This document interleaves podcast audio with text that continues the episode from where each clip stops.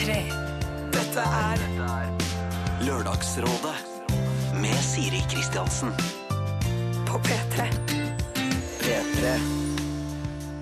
God morgen, du hører på Lørdagsrådet, hvor jeg, Siri Kristiansen, sitter og venter på at dagens rådgivere skal komme og hjelpe meg og gi deg gode råd fram til klokken eh, tolv.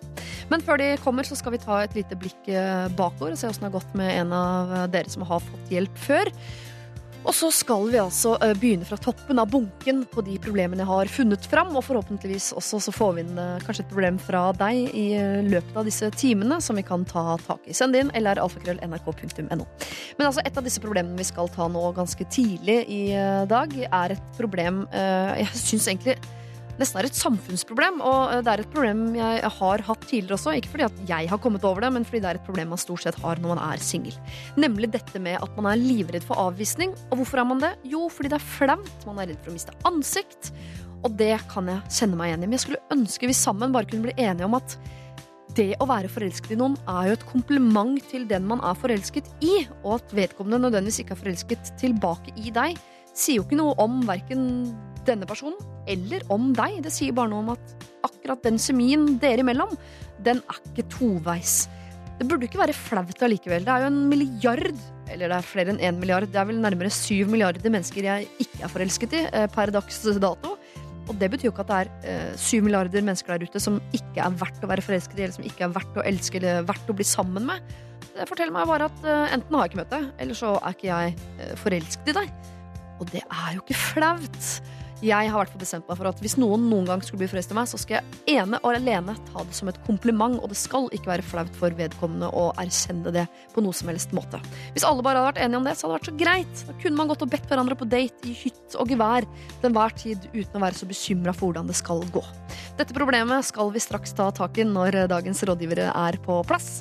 Men først altså et lite blikk bakover for å se åssen det har gått med en av dere som har sendt inn deres problem tidligere. Lørdagsrådet. På P3. P3. Det var eh, The Temper Trap med sin eh, Sweet Disposition her i eh, Lørdagsrådet. Som nå skal rette blikket litt bakover. Ikke mer enn to uker, men allikevel. Da eh, satt jeg her i denne stolen sammen med Alejandro Fuentes, Gunhild Dahlberg og Terje Sporsem. Altså, de satt ikke i samme stol som meg, men i samme rom, da, om ikke annet.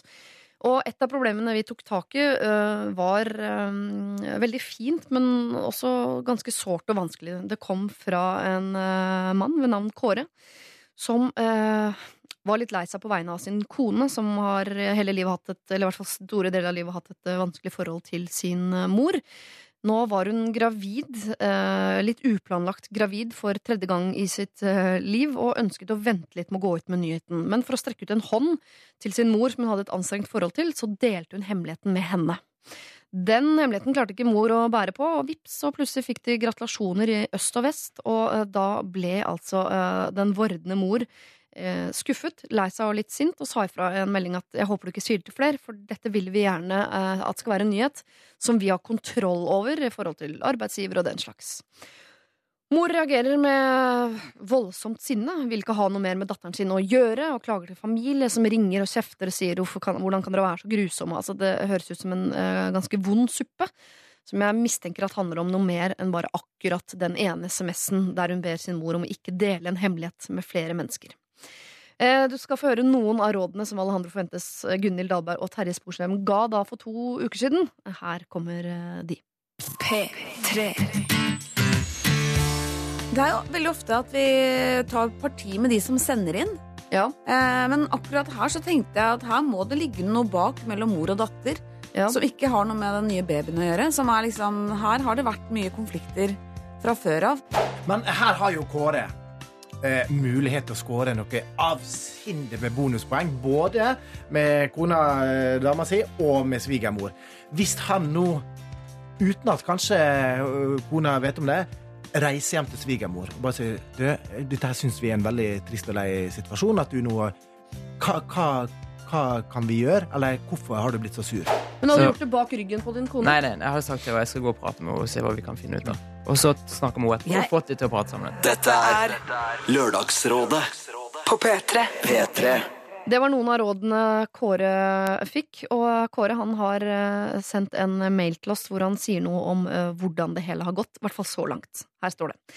Kjære, kjære Siri, dette har vært litt av en uke. Først tusen takk for at dere tok opp problemet mitt i forrige program. Jeg må si at rådene jeg fikk, var det jeg trengte. Det første rådet fra frøken Dahlberg provoserte meg litt til å begynne med. Hun tok jo parti med svigermor, hvordan våger hun?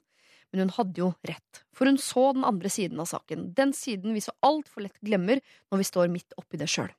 Og da forslaget fra dere kom om at jeg, Kåre, måtte ta praten med svigermor, så skjønte jeg at her har jeg alle tiders mulighet til å hjelpe to som jo er glad i hverandre, til å gjenopprette harmonien. Jeg kamuflerte besøket som en tur til svigerfar for å hjelpe til med et teknisk problem. Og der var jo selvfølgelig svigermor. Istedenfor å ta den store, tunge praten om hvor vanskelig det er mellom dem, så kom jeg tilfeldigvis inn på noe ubehag som kona har i svangerskapet, og at hun gjerne ville vite hvordan sin mamma, altså svigermor, hadde det i sine svangerskap. Uten at svigermor eh, sa noe, så jeg at hun var takknemlig for initiativet mitt, og at jeg spilte ballen over til henne. To timer senere banket det på døra hjemme hos oss, og der sto svigermor og ville inn. Det var som om ingenting hadde hendt. For to timer siden reiste hun fra sitt andre besøk hos oss på under en uke. Jeg vil til slutt i den mailen si et par ting. Den, det ene er at man ikke alltid bør stå på retten sin. Kanskje det er viktigere å bevare et godt forhold til de man har rundt seg? spørsmålstegn. Det andre jeg vil si, er at herved nomineres Lørdagsrådet til Nobels fred, fredspris 2015. Hilsen Kåre. Herregud, tenk så gøy å få Nobels fredspris, da! Det hadde vært veldig veldig morsomt. Det er, altså, det er, det er et halmstrå jeg klamrer meg til der. Eh, Men Kåre, hvis du sender inn, så er jeg evig takknemlig for det, selvfølgelig. Og også uh, takknemlig for tips du gir til uh, den norske befolkning om at noen ganger kan være greit å uh, heller være opptatt av å bevare et godt forhold til de man har rundt seg. Eh, Jeg vet at det er sant, jeg er ikke så god på det sjøl, men det er i hvert fall veldig lett å si det til eh, andre. Og så bra at det gikk bra med dere. Det virker jo som om eh, din kone og din svigermor er i ferd med å kanskje kunne reparere sitt forhold seg imellom. To besøk på under en uke. Høres veldig hyggelig ut. Og bitte lite grann slitsomt. Det trenger ikke å bli noe hyppigere enn det, kanskje. Eh, Men det der legger jeg meg sjøl opp i potten, altså, så det får, dere høre på hvis dere vil. Nå straks går vi videre, ser framover, ser løsninger og problemer. Så send inn ditt problem til oss, eller alfakrøll.nrk.no. Hvert øyeblikk kommer dagens eh, rådgivere hit inn til meg. Men først litt musikk. Dette er P3. Det var Loveless med sin They Don't Know, og før det også Madcon sammen Ray Dalton, Don't Worry. På den uh, tiden har det skjedd uh, saker og ting her i, i dette radiostudioet som jeg befinner meg i. Ikke sitter jeg her alene hjemme uh, lenger, jeg er her sammen med tre andre nydelige mennesker. Eh, to av dem er jo her hele resten av uka. God morgen, Ronny Brede Aase. God morgen, Siri Kristiansen. Og god morgen, Silje Nordnes. God morgen, Siri Kristiansen. Og Ronny. Dere er jo, eh, dere er jo eh, Lørdagsrådets eh, utsendte fra P3 Morgen her i dag. Stemmer det? Og har en forferdelig lang dag foran dere. Fortell. Eh, vi skal jo eh, egentlig eh, bare rett etter- etterpå Ja. Så skal vi ned på Rådhusplassen, og der blir det VG-lista Topp 20 show eh, fra klokka sju i kveld. Hvor mange er ventet å ankomme? 500 000. Hold på. Nei, det er vel 100 000 man bruker å si. Eh, man går for 100 000. Gjen er- gjennomsnittsalder. Ja, det er 14 Nei, vet du hva, det er det ikke. Det er, jeg vil si at Gjennomsnittsalderen ligger på ca. par og 20, fordi at alle de som er 14 år, også sannsynligvis i, i, området. Jeg ser for meg at 14-åringen står inne i Golden Circle helt fremst, og så står det og vagga noen i 30-åra bak der og passer på. ikke sant? 40-åra skua litt fram. Det går bra med kidsa fortsatt, ja. Bra, bra, bra. Altså foreldre, da. Og de drar opp snittet, ja. ja det tror jeg. Men, eh, men det er jo en folkefest. Ja. Første gang på en lørdag òg, så det er litt stas. Og det er det nærmeste kidsa kommer å gå på ordentlig festival, på en måte. Selv om Ja, det bare ja, ja. er liksom én dag, da. Mm. Skal du ditt uh, siste rådgiver, uh, Lars Berrum? Eh, jeg, jeg, jeg visste ikke at det var i dag. Så det ble eh, du Men det? jeg, jeg, jeg, Du rekker det. jeg er kjent for å Jeg skal ikke planlegge for mye. Jeg kan være Nei. ganske spontan. Du kan Jeg. snu på femøringen Ja, og bare kan. Yes, party! Ja, ja, ja. Jeg har sett Lars Berrum dukke opp på fest før, Ja. som uanmeldt. Ja. Jeg er best på å komme uanmeldt på ting, så eh, Ja. selvfølgelig skal jeg være der. Ja. Men nå skal jeg ikke, ikke være innen golden sirkelen. da Nei. jeg, må holde, jeg er litt sånn i bakgrunnen. Det gjør jeg alltid på konsert, siden jeg er så høy. Vet du hva, Ja. vet du hva jeg tror du gjør? Jeg tror at Lars Berrum sånn, setter seg på u- en eller annen uteservering borte på Aker Brygge på motsatt Mhm. side der, og så sier du sånn Jeg var der, jeg. Uh, men egentlig var du drita rett overfor uh, kaia der. Ja. Men kjører dere noen storskjermer, så det er mulig for folk som Ja, jo liker en fest, men best på avstand, har nettopp har muligheten til det? Og drikke noe rød saft borti området der? Ja, det gjør vi. Og så går det jo på TV også, da. Først på NRK3 eh, fra klokka sju. Og så flytta det over til, uh, til NRK1 Så- 1940. Og så jeg kan Så- se så på uten å forlate mitt eget Ja, ja. hjem. Så Herregud. fort Dagsrevyen og Lottoen deg er midt i ferdig. blinken, Siri. Det høres ut som en fest for meg.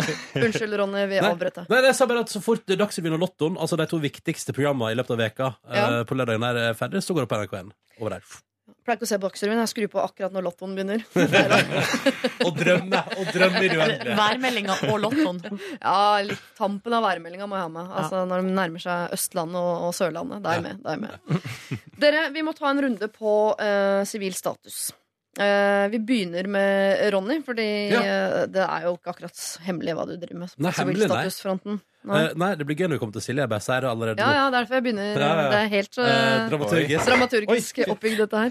Ikke knus studio fordi du er så gira.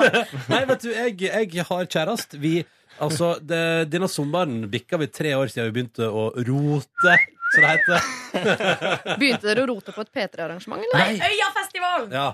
Ja, det er et slags Jeg var P3-arrangement. der, jeg. Ja, ja. var der ikke, men jeg var der dagen du var etter. der dagen etter. Første Altså, som fikk vite det. ja, du var faktisk det, for det var fordi at da klarte jeg ikke å holde det inni meg lenger. Så da ble Silje Nordnes eh, offer for, at, for en liten hemmelighet der. Å, det var gøy. Ja. Um, fortsatt i avstand. Hadde han det samme gliset som han har nå når han snakker Ja, om det? vet du hva, du aner ikke, men Det var jeg og Niklas Baarli som var de heldige utkårede som fikk den historien om Ja. at Tuva hadde blitt med Ronny hjem. Og, og det var så gøy! Og Ronny han smilte fra øre til øre. Det var en hyggelig kveld. Ja. Um, smiler fortsatt tre år etterpå. Det er veldig søtt, da.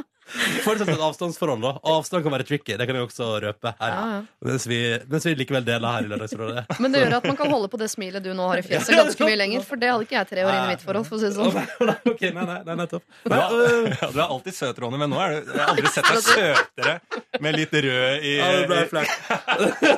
Ronny har tæna hele uka. Ja, den hele veka også. Eller hengt på verandaen, som jeg kaller det, for å få det til å høres mindre sjølopptatt ut. Men det er fortsatt det avstandsforhold. Hver deres Ja. by ses. Dere hadde et veldig fint arrangement på at hun kom hit og du kom dit, og dere hadde nesten sånn turnusvirksomhet på det, sånn at dere ser hverandre i hvert fall to helger i måneden. Ja, det var ikke så lenge siden. Jeg var i Trondheim nå, altså. Hadde en Ja. nydelig helg der. Og så er jo hun her nå i helga. Ja. Uh, og så er vi jo uh, Vi teller ned to uker unna en lang, lang ferie ut i Europa for oss to. Og nå Oi. vi skal på Ronny skal på interrail. ja. Er det sant? Nei. Nei, nei. Er med bobiltype? nei, nei hør, på- hør på det jeg sier. Altså, vi, vi tenker Da sånn møter du Moddi. Skal ikke han på interrailturné? Odd Moddi! Ja. Å, men den togsangen til Moddi Den er ikke lov å le, ass. Den er sykt, sykt fin. Men det kan jeg tro på. Jeg, hørt, Ja, ja, jeg tror jeg har hørt på radio her at han skulle det. Det er godt. Nei, vet du hva, vi, hør på dette her. Vi fant ut sånn uh, skal vi, vi tenkte- vi vurderte sånn Korsika, fin øy. Det har vi hørt rykte om. Sardinia, fin øy, hørt rykte om. Mm. Og så står vi sånn Skal vi ikke bare reise til begge, da? Så vi har ei uke først på Sardinia, og så bare krysser vi med ferje til Korsika, og så tar vi en uke der også. Ja, Se opp på mutter'n. Hun pleier å feriere nedi der. Det blir hyggelig. Det har vært gøy om dere kom hjem to uker derfra sammen med eh, senior Kristiansen. Oh, vakkert! Oi, oi, oi. Ja, ja. Hva med deg, Lars? Sivil status og ferieplaner er nå lagt til som Ja. et element. Jeg, jeg har eh, kjæreste. Mm. Uh, ja, ja, ja. Jeg, er på, jeg tror jeg er på fjerde året snart. Jeg. Ja. Tror jeg såpass, jeg. Ja. Eh, og, Se, gliset er borte. Det må være det siste året der. Nei, men det var litt sånn at jeg måtte tenke Om det er tre, tre eller fire år, det vet jeg ikke. Nei. Men Ganske intenst, som jeg eh, alltid sier. Det er en, eh, en bosnisk eh, perle jeg har funnet meg. Ja. Eh, så det, er, det koker. Eh, alltid trøkk. Ja. Enten kastes jeg ut av leiligheten, eller så har jeg aldri blitt elska høyere. Så det går i det er, det er de polene der. Det er ikke noe mellom. Eh, så det er alltid nydelig med eh, hund, da. Ja. Og det setter pris på begge deler. Ja. Eh, og vi skal ferie, Jeg har ikke ferieplaner. Jeg skal eh, gjøgle mye i sommer. Og så altså, tjene penger, er det du sier. Nei, jeg jeg har ikke så mye penger. eh, Standup i Tyrkia og greiene der? Nei, eller? nei, jeg standup litt rundt omkring. Og så skal jeg filme for eh, eh, Dekke åtte festivaler for natt og dag. Ja, Det har jeg sett du har begynt med f- på Findings. Var du Veldig jo gøy. ratta rundt. Findings, Bergenfest er unnagjort. Ja. eh, så dette her eh, det, det blir slitsomt og veldig gøy. Ja. Eh, Blir hun med? nei, ja, til Slottsfjell skal vi være med. Ja. Eh, Men ta en to ukers på sånn tidlig høst, da. Hvor dere er bare Men det er, der, det er der jeg slipper eh, den lille bomben nå. At jeg skal en uke til Bosnia med henne eh, og besøke familien for første gang. Nei! Jeg presiserer. Innlandet i Bosnia. Eh, Så der skal det grille Jeg tror det, Det jeg ser for meg Bosnisk og- mat, hva er det? Det griller hele dyr. Griller hele Ja, dyr, eh, så det står en og, og, og, gjør sånn at dyret går rundt og rundt over et bål. Ja. Eh, og det kan være hva slags eh, det dyret de har fått tak i, føler jeg, da. Ja. Og så er det mye eh, sprit. Og hygge. Ja, og, så jeg tror jeg med åtte festivaler tror jeg er veldig riktig sånn oppladning til det familiemøtet i Men Bosnia. hvordan type, Er det besteforeldre og tante og onkler? Det er den familien? Eller det er ikke Ja. foreldrene hennes? Nei, De har for moren, ja, moren og faren er i Norge, Ja. og så er det hele eh, den andre slekta, røkka. ja. Ja, slekta, ja. Ah, ja, ja. Så Er det- slektstreff, eller? Ja, det blir jo det. Men blir du godtatt, eh, tror du? Det vet jeg ikke. Når jeg var i Du er Kroatia høy. ja, jeg tror jeg blir liksom, De har sikkert et navn for det. Jeg føler alle som, eh, Som balkanske har alltid sånn navn sånn eh, Juzidi er liksom sånn den store norske bjørnen. Kanskje, kanskje det jeg blir kalt. Og de har sånn indianernavn. Ja, Så jeg tror at eh, det Men eh, det, det blir spennende. Den store norske bjørnen. Ja, jeg vet Skal til Bosnia. Ja, jeg, jeg, jeg håper at jeg får et sånt navn, da, i hvert fall. Åh, det er Spennende. vakkert. Så det blir eh, Jeg gleder meg. Ja. Mm. Eh, jeg gleder meg til å høre din sivile status, eh, Silje Nordnes. Ja, eh, Du har det der samme gliset som Ronny. ja, jeg har jo da eh, fått meg kjæreste. Takk for det! Takk Nå er for du det. også- Ikke fordi det er det livet dreier seg om, altså, men det er jo fryktelig Ja, det koselig. Det har dreid seg mye om det det for Silje siste altså, det, det, du- Halvannet året har det vel stort sett handla om det, ja. Men um, Så koselig, da. Ja, vi, det er jo da snart to måneder. da blir det feiring. Nei da. Jubileum. Jo da. Invitert til jubileumsfest. Alle er invitert. Ja. Da skal vi grille et helt dyr og Ja. drikke sprit. Et helt menneske som vil grille. Nei! Også i sommer så skal, eh, så skal vi faktisk på ferie i lag. Ja. Eh, ta eh, Holdt på å si hinna på det. Du maler deg sjøl opp et hjørne her Jeg nå, det, Silje. jeg bare sa det. Ja. Nei, vi skal, på, eh, vi skal til Sør-Spania og ha leid bil, og skal uh, kjøre rundt og eh, være i sola og sånn. Ja. Mm. Det er jo en kjempetest på forholdet, det der feriegreiene. Orker jeg dette trynet hver eneste morgen, hver eneste kveld? Oh. Mm, jeg tror at det, går helt fint. Ja. Det er mitt tips da, nå Ja. er vi for, forkant. Så Så koselig. koselig. Men hvor er det? Fortell litt mer om Nei, dette. Ja, fordi jeg, jeg, har, jeg kjører en ny strategi som er å eh, verne bitte litt om mitt eh, privatliv. Oh, Det har fungert så bra tidligere å ikke gjøre det. Ja, for dere andre, Du ikke for meg selv. verner bitte litt om hennes privatliv. Ja, sånn, si sånn det sånn, ja. ja hennes, ja. Det, det kan jeg respektere, men verne eget privatliv, det driver vi ikke med her i men Lørdagsrådet. det driver vi ikke med i P3 Morgen heller, så ta det helt med ro. Siri, Siri, Siri kanskje du spør henne et eller annet sånn Jeg er nysgjerrig på sånn egen, hva egenskaper hun setter Ja. pris på og sånn. Tre beste egenskaper. Skal ikke stille sånne spørsmål? Ja, jeg er jo, du, ja, men du kan jo si nøytrale ting om henne. Du ikke Vi er ikke ute etter personalet. Ja, men er hun morsom, eller er hun varm, eller er hun sånn, sånn dama til Lars, sånn opp og ned, eller er hun mer sånn jevn som Tuva til Ronny? Eller, altså, Kan jeg ikke bare si sånn som Lene Alexandra sa til VG da hun, eh, hun har jo også fått seg kjæreste nå? er det nylig. da samme? Litt morsomt. Nei, det. Men hun sa de fire S-ene, som var da uh, smart, sexy, eh, sporty og den siste, som jeg alltid glemmer. Singel. Sosial. Eh, ja, kanskje det var det. Ja, men det, det passa bra. Eh, Samarbeidsvillig. Det var passer bra. Og SS-soldat. Men eh, OK, vi må ta en liten runde også på konfliktskyhet. Um, Ronny, han pika det konfliktsky-barometeret. ja, er du en tier? Altså, det vil si at du uh, sjeldent til aldri tar en konflikt? Uh, men vent, nei, vet du hva? Dette sa jeg jo sist jeg var her i Lørdagsrådet. Da plasserte jeg meg på sju, tror jeg. Og det var fordi at jeg har blitt flinkere til å ta konflikter. eh, og har lært gjennom Uh, flere år i stor uh, radioredaksjon Dette husker sikkert du òg, Siri. At uh, i P3 Morgen der er det jeg skal, Der skal alt evalueres og prates om. Ja da. Ja, og i et forhold der jeg har lært at kommunikasjon, det hjelper på. Og det kommer jeg til å råde mye om her i dag. Kommunikasjon, kommunikasjon. Så jeg vil si at jeg har gått fra ti, som er rør ikke konflikt, ikke antydning til det heller. Og hvis folk hever stemma, tror jeg at de kjefter. Ja. Så har jeg gått ned til en sjuer. Litt av Ja, ja. ja. Men det er egentlig sjuere er fine folk, da. Mm. Hva med deg, Lars? Ja, Du tvinges jo ut i en del konflikter bare fordi du er sammen med sånn uh, vaktbisse. Ja. Ja. Nei, hun er så søt, kjæresten til Lars. ja, ja. Ja, Men det er vel vaktbisser og boksere er vaktbisser. Har du sett Ja. bokservalper? De er lite søte. det er liksom hun er veldig sånn, er ikke sånn uh, Hun er ikke sånn vaktbikkje, men det er mer sånn at uh, det, det koker i begge ender. Som en lemen. Ja, litt sånn lemen. Kjempesøt, og så plutselig bare ja så sprekker det.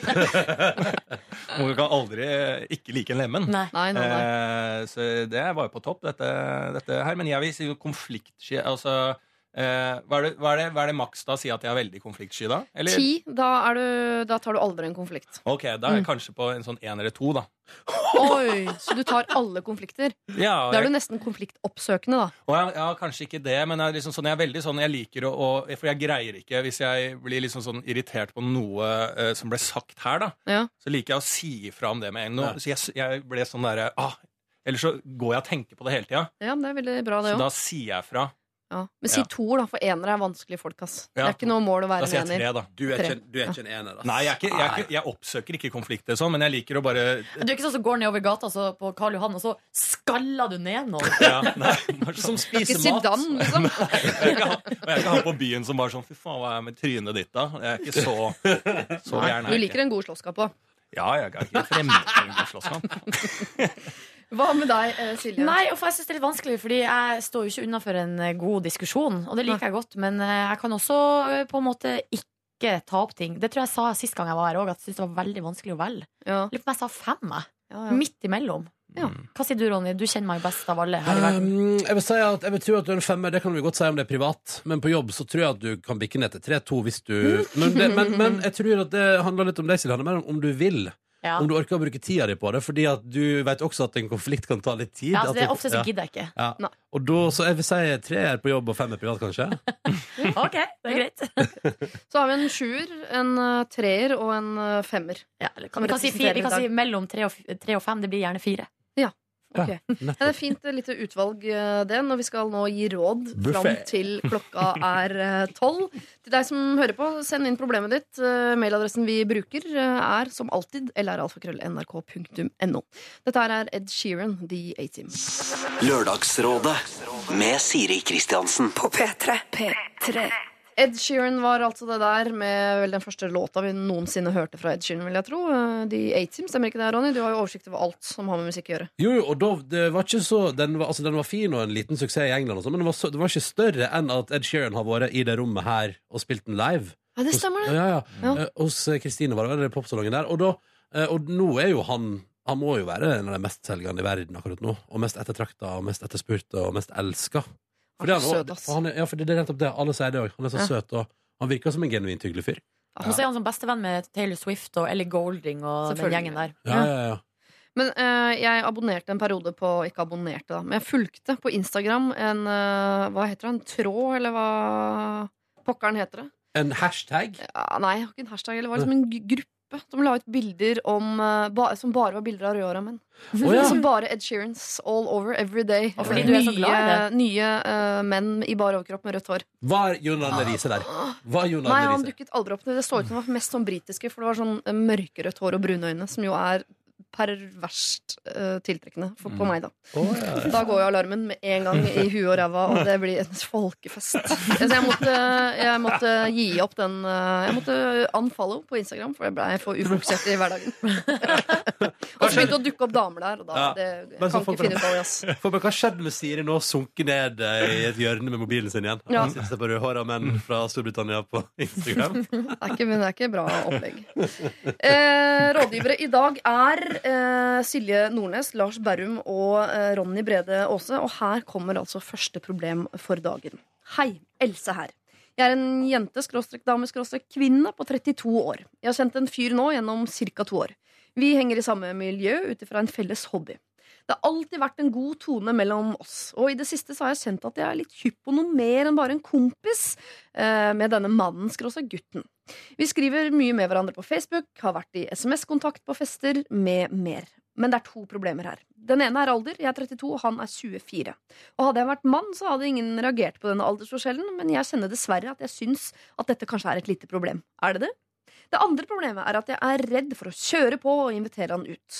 Grunnen er selvfølgelig at jeg er redd for å bli avvist, og at jeg da i ettertid må forholde meg til han da vi treffes i dette felles miljøet vi jo henger i. Jeg er en skikkelig utadvendt jente som alltid kjører på med gutter, men i dette tilfellet blir jeg helt satt ut. Han har vært hjemme hos meg noen ganger for å hente ting, og da har vi blitt stående i døra og henge. Ja. Det normale hadde jo vært å invitere han inn, men jeg blir helt fjortis. Jeg vet ikke hva jeg skal si. Jeg blir flau med mer. Så hva gjør jeg? Jeg ønsker et godt tips på hvordan jeg kan fiske etter om han er interessert, uten å måtte tape ansikt og slutte med min store hobby i livet. Hilsen gammel forelsket fjortis Else. Vi vet ikke hva denne hobbyen er, men jeg har bestemt meg for eh, mentalt å tenke dykking. Å ja, jeg tenkte kor, jeg, men det er fordi jeg går i kor sjøl. Jeg tenkte revy. Um, jeg Hva tenkte du, Lars? Jeg tenkte rollerblades. Roll the derby! ja, det er rått miljø, da. Den store Robin hobbyen rollerblades. Men jeg, jeg mener det eneste de Altså, hallo, hallo, Else. Han har jo prøvd å sjekke deg opp i en evighet. Hjemme hos deg for å hente ting. Chatta mye på Facebook. Altså, han har, han har jo prøvd å fiske, og så har han vært like nervøs som deg. Det er jeg sikker på. Ja, jeg synes også Det høres ut som at her, eh, her er det god sjanse for at det er noe. Og der, altså, da du ikke inviterte han inn uh, bak din dør, og inn for kanskje en ei flaske vin, dreit du deg ut. Jeg bare sier det. Men det gjorde hun seriøst, hun gjorde jo det. Ja. det. For Hvis dere har rett i at han har vært interessert hele veien, så vil jo han tenke at det der er jo et litt dårlig tegn når jeg står i døra liksom, Ja. og skravler, tonen er god, Ja. og så spør han ikke om jeg vil komme inn. Nei. Jeg er forresten i henne, men jeg tør ikke å si det, for da mister jeg ansikt, tenker Ja. han. Men Skal vi rydde opp i det første spørsmålet først, som er aldersforskjell? For er det et problem? Nei! Der har jeg to gode eksempler. Ja. Ett med meg sjæl. En gang med en sånn jobbflørt jeg hadde, Mm. som var eldre enn meg. Eh, eh, kanskje fem-seks år eldre. Ja. Og hun sa alltid dette her. Ah, men det er disse åra, og du er så ung, og alt sånt. Hun plagdes mye av det. Ja. Noe jeg aldri forsto hvorfor hun snakka så mye om, for det var ikke noe problem for meg. Nei. Og da var jeg liksom uh, ung, da. I Hvor gammel var til du? Kanskje 22? Ja. 21? Ja, Ja, ok. og, så, eh, og da var det liksom sånn Jeg forsto aldri det. Så jeg sa det, det er bare du som plages av det greiene der. Og så etter hvert så bare sprakk den bobla hos henne. da Det ble aldri noe mellom oss to. Men det var sånn ett eksempel. At det er ofte, eh, siden man er eldre, så tenker man på det. Eh, og han gutten tenker garantert ikke på det. Han tiltrekkes litt av at å, hun er litt sånn moden og spennende. Ja. Ja, Det kanskje er- det blir litt enda mer skummelt for han å invitere seg selv inn, for, eksempel, for hun er jo moden og Ja. har erfaring. Ja, ja. ja, ja. Så det er liksom sånn, det er, tror jeg er lurt å huske. Også et annet eksempel med eh, en venn av meg som heter Olli Wermskog, som har jobba her. Ja. Eh, og han er sammen med en som heter Katrine Fross. Og det er liksom den beste paret jeg kjenner. da eh, Og der er det en aldersforskjell som er, eh, som er litt sånn Er det ikke seks år, da? Jo, ja, seks eller mer. Hun er eldre. Eh, Og det er liksom det beste paret noensinne, Ja. eh, syns jeg. Og de, det har funka dritbra. Der hadde det litt sånn den tilnærminga i starten. Var i samme miljø. Olli visste ikke helt hvordan det er. Han Dykking, gjorde- eller? Eh, nei, der var det revy. Ja. og han gjorde det, og, han, og, det, eh, og de er det beste paret som jeg vet om. Og han gjorde det veldig enkelt, som er liksom hele løsningen. Ja. Han sa bare sånn Nå kaster jeg opp en ball her. Ja. Hva med at vi går ut og gjør noe? Bare oss to. Oi. Og det var så enkelt, for hun, de var litt sånn nølende på hverandre. Det var Ja. noe der. Mm. Eh, og hun ble litt sånn utålmodig. Hei, nå må Ollie liksom Ja, få for ut hun hun venta på han, for hun turte ikke å miste ansikt. Så hun tok imot den ballen han kastet opp, Ja, og rulla en- den rett i mål. rett i mål. Ja. Og rett i krøsset. Hvor mange år tror du et de har vært sammen nå? Og de har vært sammen i syv-åtte år. Nei. Såpass, oi, oi. Og jeg tror ikke samfunnet heller uh, nå i dag, fordi uh, mine venninner som er like gamle som meg, er jo 30 år. Ja. Eh, vi, et, det er liksom ikke så stor forskjell lenger, kanskje, eh, på eh, folk mellom 25 og 35. Nei, det tror ikke, jeg tror i hvert fall ikke det syns. Jeg, jeg tenker aldri på at folk er yngre enn meg. Jeg prøvde å eh, spleise en kollega her i P3 en gang med en venninne. Ja. Og det virket veldig lovende. Vi drev og snakket om egenskaper og utseende og alt. Alt klaffa, liksom. Ja. Helt jeg spurte sånn, ja, hvor gammel er hun nå? Og så er hun jo like gammel som meg, som jo er da eh, vært 37 i en uke nå. Takk. takk, stolt. Eh, tusen takk. Eh, og han var eh, kanskje sånn 24, så han bare Men du, jeg er 24, nei. er 37. Det går, altså, det går ikke. Altså, sånn, det tenkte jeg. Det tenkte jeg ikke på. Nei, man tenker Er du kanskje så ikke ung? like mye over det. Men jeg mener på 23-24-årsalderen så bikker man over til at man ikke bryr seg lenger. Ja, da må man 24 er grensa. Er 24 grensa, ja. Flaks for Else her at 24 var grensa. Ja. Ja. Men det var derfor der, der jeg merka det sjæl. At når jeg er 24, nå er man Nå eh, i faen, den eh, Ja, nå gir jeg faen, nå skal jeg bare ha en eller annen. Ja, for hadde han vært 22, da, merker jeg, da hadde jeg også tenkt sånn Ja. ah, Litt vanskelig, altså. Han er ikke ferdig med rusttida. Nei. Og det går an å ta opp fag når du er 32 uten at folk ser rart på det. Altså, den der eh, alderen der eh, Du leker helt til du er eh, Men, Men folkeskole, det er forbi. Ja, men du, men du må ta han nå, da, Else, før, han, før du blir plutselig bikka sånn, før du bikker sånn 35, og han fortsatt er sånn Og da, da blir sikkert han sånn Oi, det var Jeg, vet, jeg, vet, jeg tror ikke det betyr noe. Og jeg tror, sånn seriøst ut ifra den mailen der, hvis ikke Else er en megaovertolker, så har det vært stemning i lufta der. Så ta en Olli Wermskog. mm. Ja, kast opp en ball. ball. Ja. Og så eh, tenker jeg også at eh, det der å si med å være redd for å bli avvist, det er jo veldig forståelig. Det er vi jo alle. Ja. Men Og det gjelder ikke bare i samme miljø. nei, alle er redd for å bli avvist. Og så er det også den der hvis han sier nei, eller hvis hun har feiltolka, eller og, og han, så, så blir det flaut én gang. Ja. Eh, Man er nødt til å gå tilbake på dykkinga slash rollerbladesen slash revyen én gang, og så blir det første møtet litt sånn Å, der er han, ja. Å, hei. Og så, vi, altså, så går man videre, liksom. Ja. Det, går, det er som et plaster, og det er litt vondt eh, en liten stund, men så etterpå så eh, glemmer man det. Men jeg Mener jeg, da. Ja, For jeg er jo ikke forelska. Altså, det er jo ikke sånn at de eh, De har jo ikke fått barn sammen enn Det blir jo ikke noe stygg skilsmisse som blir som en sånn bombe i det her miljøet. Nei. Altså, det er jo ikke noe uvanlig at man liksom sjanser litt på hverandre. Og den gjør kommer ikke tida. helt ut av det blå. De har hatt kontakt. Så den er liksom sånn naturlig at det kommer et lite støt fra noen der. Ja. Og så hvis han ikke da er, er så interessert i det, så kommer han til å si ifra helt eh, kult på det. Og så, som eh, du sier, er det bare sånn ene gangen kanskje litt flaut, og så er det bare over igjen. Og så er de bedre venner enn noensinne. Ikke men sant? jeg bare tenker på en gang, eh, fordi Nå må vi huske at det er Else som har sendt inn mailen. Så hun har jo formet det hun opplever at er mellom dem av god stemning, med Mm. sine forelskede rosa briller. Ikke sant? Den der, At Mm. de har blitt stående lenge i døra, for eksempel. For alt vi vet, så er det ett og et halvt minutt. Og, uh, fordi hun tok med seg feil mobil hjemfra, osv. Så, videre. Ja. så jeg må legge i potten. Uh, og at hun er nervøs for å bli avvist fordi de er i samme miljø, det skjønner jeg veldig godt. Så kanskje eh, må hun liksom be på sånn klassisk date? Sånn, må hun virkelig kaste den ballen sånn veldig opp og høyt i lufta? Eller kan Nei, men- hun heller på en måte ta det litt der og da? Hun må, finne, hun må finne mulighet på et eller annet vis å kaste opp ball eller ei, men hun må finne en mulighet for at de to er på egen hånd. Eh, Og hvordan hun gjør det, og hva situasjonen skulle være i, det er egentlig litt sånn irrelevant. Poenget er bare at det må uh, skje igjen, at han står i dørkarmen hennes, og så må hun invitere inn. Altså, det må, neste gang du har muligheten, så må du åpne litt uh, for. Og så tenker jeg at eh, jeg skjønner definitivt redselen for å bli avvist. Herregud, jeg har levd livet mitt på redselen for å bli avvist. Uh, men jeg tror at liksom, i det, hadde det liksom vært på skolen, men det der er liksom, det er et miljø, og sannsynligvis et relativt voksent miljø, siden hun har bikka 30, liksom. Da er det jo voksne folk der, liksom. Ja, antageligvis ikke rollerblades, da, med andre ord. Sier ikke det. Med mindre de er narkomane, da, for de er veldig glad i å stå på rollerblades. Men jeg skjønner ikke helt den der eh, eller, eller, Om ett år kan du le av det, da, hvis du blir avvist. Ja, og så er det litt den der frykten for å, det med dating, eller eh, at det, man er så redd for å gjøre ting liksom litt, og løfte litt. Ja. Uh, og jeg tror uh, av og til så er man kanskje nødt til å ta det steget og si Altså å, å, å gå på date. Fordi at sånn derre sånn derre usikkerhet, at man driver og henger uten at man vet hva man egentlig på driver på med. Liksom. Det Jo, men- er så det blir, Man blir så usikker enig. av det. Og der også- Skal vi gå på date? Ja eller nei? Ja.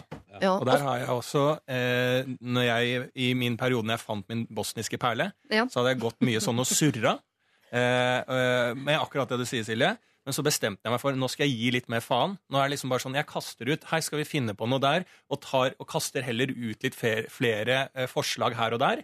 Eh, sånn at ikke den der eh, frykten for å bli avvist blir så stort. Og så eh, data jeg litt en uke, og så ble ikke det noe mer. Og istedenfor å føle på det, så gikk jeg liksom videre og var litt sånn med i gamet. Du lå litt rundt, du. Det er det du prøver å si. Ja, nei, Men da hadde, dere, du, dere hadde klina før du ba henne på date?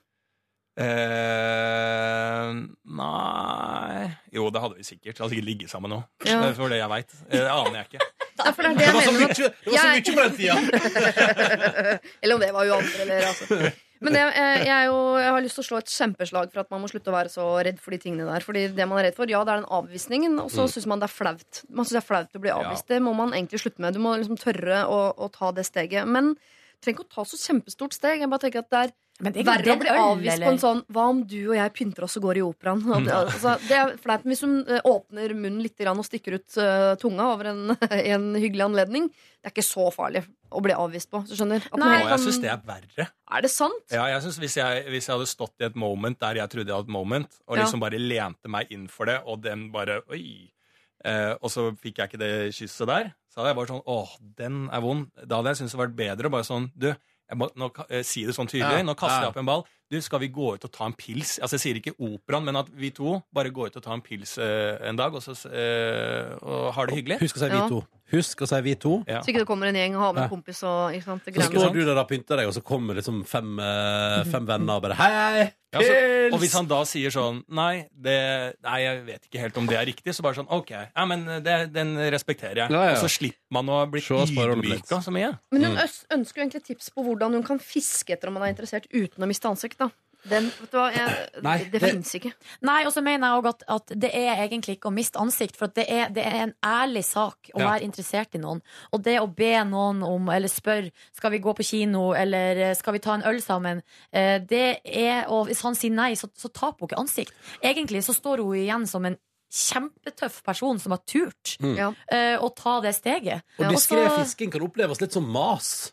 Ja, Skjønner du hva jeg mener? At det er liksom sånn, hvis du begynner sånn, og, liksom, og, og så tenker han sånn Hva er det med henne? Hvorfor alltid sånn? Skal alltid Skjønner du? Nei, det, jeg, jeg tror ikke det er bra heller, jeg. Men hvis han står i døråpningen hennes en gang til, så må hun i hvert fall invitere ja, han inn. ja, ja, ja, be han inn. Den, eh, altså, Få den på ballen noe- der må opp i lufta. Ja. Det er bare å si sånn Du, du, vet, du, jeg har, du har ikke, du har ikke et glass vin, da? Jeg har jo tilfeldigvis en flaske Ja, du må ha åpna ei flaske, eller ha en Ja. dunk som er åpna. Ja. Har en dunk stående. Ja. Skal jeg fortelle en bitte liten søt historie? Ja!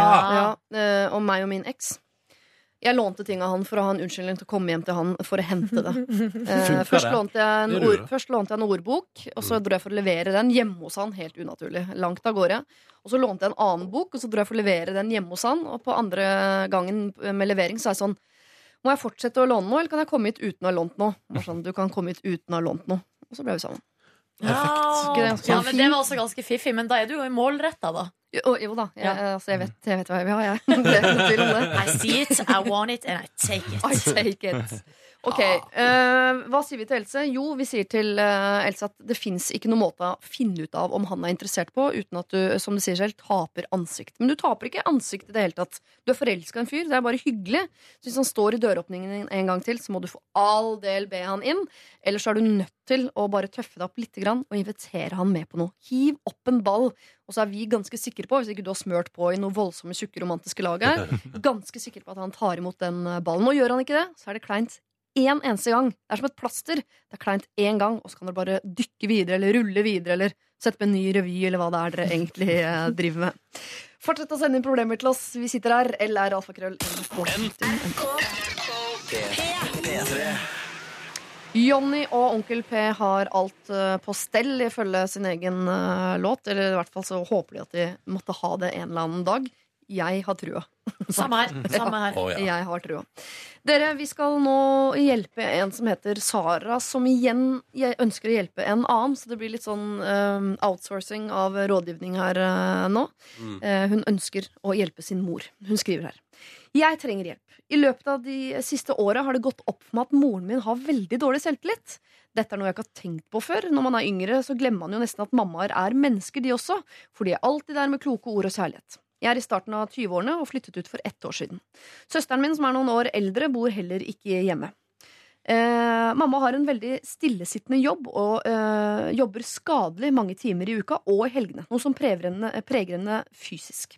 Pappa er mye borte, da han jobber et godt stykke unna og sover ofte på hotell. Hun er veldig dårlig på å ta imot komplimenter, er redd for hva andre syns om henne, tolker det meste som blir sagt negativt, og går fort i forsvarsposisjon. Jeg syns det er vondt å se på, og jeg vil gjerne hjelpe henne med å få bedre selvtillit. Hun er jo et så bra menneske, som bare vil andre godt og er der for alle. Hva kan jeg gjøre? Hilsen Sara. Oh. Vi trenger ikke å, å eh, blande oss så mye opp i psyken til mor her, men hvis man har noen rundt seg som uh, helt tydelig liksom, har litt dårlig selvtillit, er det noe man kan gjøre for å booste andres selvtillit? Ja, det jeg tenker, her må uh, mor uh, få mestringsfølelse på et eller annet felt.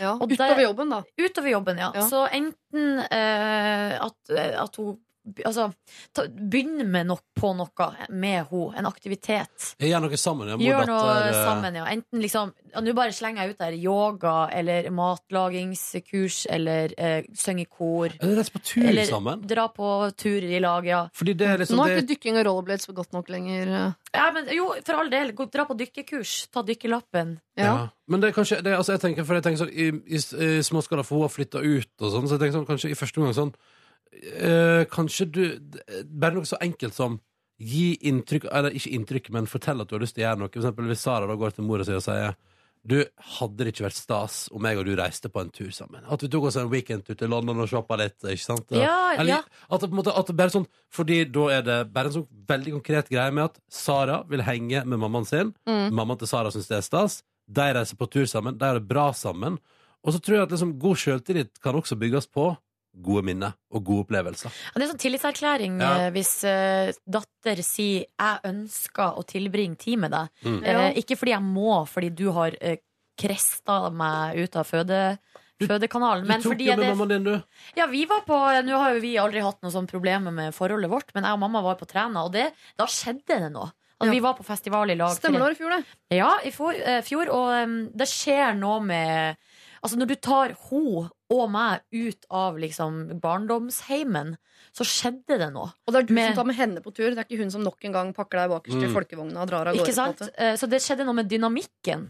Vi var fortsatt mor-datter, men det var liksom eh, Ble venninne etter. Ja, men det var en del sånne gamle liksom, Kanskje sånne gamle konflikter sånn, som bare var helt borte. Og Men altså, Sara og mor har ikke noen problemer seg imellom. Og jeg tror ikke, jeg får ikke inntrykk av at mor har noe dårlig selvtillit på det å være mor heller. Hun bare har uh, dårlig, litt dårlig selvtillit sånn generelt ellers. Mm. ja, men det kan kanskje begynne Man må begynne i det små. Bygge trygghet inni relasjoner Ja. som fungerer. Jeg, ja, jeg syns det er liksom sånn vanskelig, fordi at jeg, eh, i, forhold til eh, mine foreldre, så kunne jeg nok aldri greid å få de ut av noe. Nei. Altså, hvis jeg skjø- øh, forstår, jeg tror jeg er liksom på typen forelder, forelder også. Mm. At det er liksom sånn, Hvis man er i en sånn familie, det er bare sånn Ja, men vi tar en weekendtur. Eh, så hvis jeg hadde foreslått det hjemme, så er det sånn Hvorfor i helvete skal vi på en weekendtur, uh, vi sammen? Altså, det er, så, det er så dumt. Uh, altså, så det er liksom sånn Det er vanskelig noe Jeg forstår Jeg kan forstå problemet. At det er og jeg, jeg, jeg forstår at det er nesten sånn umulig å, å, å greie å få foreldre ut av det. Det er, nesten det er ikke sikkert de vil det på Vil det heller. Eh, kanskje at hun er Hvis hun vil det, så er det jo veldig bra, som Silje sier, å gjøre det. Hvis, det er, hvis hun Å ja, det må jeg gjøre, det er en mulighet for. Man må i hvert fall prøve det. Mm. Eh, og hva er det hun liker? La oss prøve å gjøre det. Men kanskje huske også å starte litt sånn små ting. Vil jeg være liksom Ja. anbefalt at det er eh, mulig å starte på en kaffe eh, før man drar til Mallorca. Eller? Ja, men jeg syns jo Sara er veldig Det er veldig søtt av deg, Sara, å ønske dette. Men jeg også ser på det som en litt sånn vanskelig oppgave fordi eh, moren din er voksen. Hvis hun har dårlig selvtillit, så har hun hatt det i mange år. Eh, og det, det er vanskelig å få et annet menneske til å få bedre selvtillit. Jeg tenker at det er lettere for far her egentlig å bidra, fordi antagelig dette, nå, er det, nå tolker vi noe voldsomt mellom linjene, Mm. men veldig mange foreldre har jo uh, lagt mye av tida si og selvtilliten sin og alt i den potten 'jeg er mamma'. Eh, lever for barna. Og så flytter de hjemfra, og så har man plutselig ikke noe rolle lenger. Det er ingen som trenger deg. Det er ingen som, ikke sant? Så du har mista masse av det du egentlig er god på. Så det er klart at ved at du fortsatt viser at du trenger henne, så får hun jo noe, får hun noe tilfredsstilt liksom, mammahjertet sitt. Men har hun dårlig selvtillit, så handler jo ikke det om mor-datter, eller handler jo ikke om Sara. Det handler om helt andre ting. Mm. Kanskje hun er Kanskje kan hende hun har det helt bra. Kanskje skal spørre, begynne der, liksom. Det er ikke vits å starte en sånn uh, mentalskole for en som egentlig har det helt fint. Ja, for det er ikke alle som har lyst til å gjøre så mye ut av seg, eller som krever så mye, eller har, er, helt, er bare tilfreds. Ja. Men jeg bare kom på en ting her når du snakka, at kanskje trikset her nå er um, Skaff mor di et barnebarn. Det, ja. Altså, det er, trik, det er tipset fra meg. Ja. For da er det ny giv. Da blir jo det behov for henne igjen. Må trå til. Og jeg vet ikke, jeg bare har, det har, jeg, min, jeg har jo ikke unger sjøl, da, og eh, min mamma er ikke eh, bestemor. Nei. Noe hun har begynt å påpeke ganske ofte. Ja. Kanskje du har fått en ny kjæreste? Eh, ja. Eh, men Hva skal jeg si? Ble du litt satt ut nå, litt satt ut. Eh, fra mine venninner som har barn, det, de, det fellestrekket er at alle forteller om at mødrene, eller bestemødrene, blir helt gærne. Ja. Men hun er dårlig på å ta imot komplimenter og gå fort Ja, i altså- forsvar. Altså, hjelper det da med uh... Jeg syns det, jeg syns det så tydelig høres ut som at det her jeg, Eller jeg tror det, liksom, det her er veldig stort, men jeg mener jo helt oppriktig, jeg står fast på at uh, det viktigste er liksom å, å gjøre de små tinga litt sånn bra. Fordi at uh, Uh, det er, i da er det i alle fall viktig at uh, mora, hvis hun faktisk Det høres jo heller ikke ut som det er idet Sara flytta ut, så ble hun så fikk hun dårlig selvtillit. For det ser ut som at hvis hun er dårlig til å ta kompliment eh, og gå fort i forsvar, så er det noe som det har vært med en god stund. Da. Og da tror jeg at det viktigste er at da er, bør tryggheten og gleden og det å være glad i hverandre og trives i selskapet Jeg tror det viktigste er at det fungerer skikkelig bra. For, altså, det Sara bør begynne med, er at de har det bra sammen. Ja. At hun og mora har et godt forhold, og at Sara er der og er liksom bare til stede. Ja. Skjønner du hva jeg mener? Fordi Ja, jeg tror, ja, ja. jeg, jeg tror det, Å bygge den tryggheten der tror jeg er en sånn viktig grunnpilar. da Ja. Å bli, els, å bli elska av datter er jo Og i hvert fall å føle at man er det, er jo en veldig god start, iallfall. For hvis de har uh, masse tillit til hverandre, og det er masse kjærlighet, sånn, så er det jo plutselig rom for å nettopp ta tak i disse tingene. Sånn, 'Mamma, du er kanskje ikke så god på å ta imot komplimenter.' Det, det burde du bare Ja. øve på, og si takk.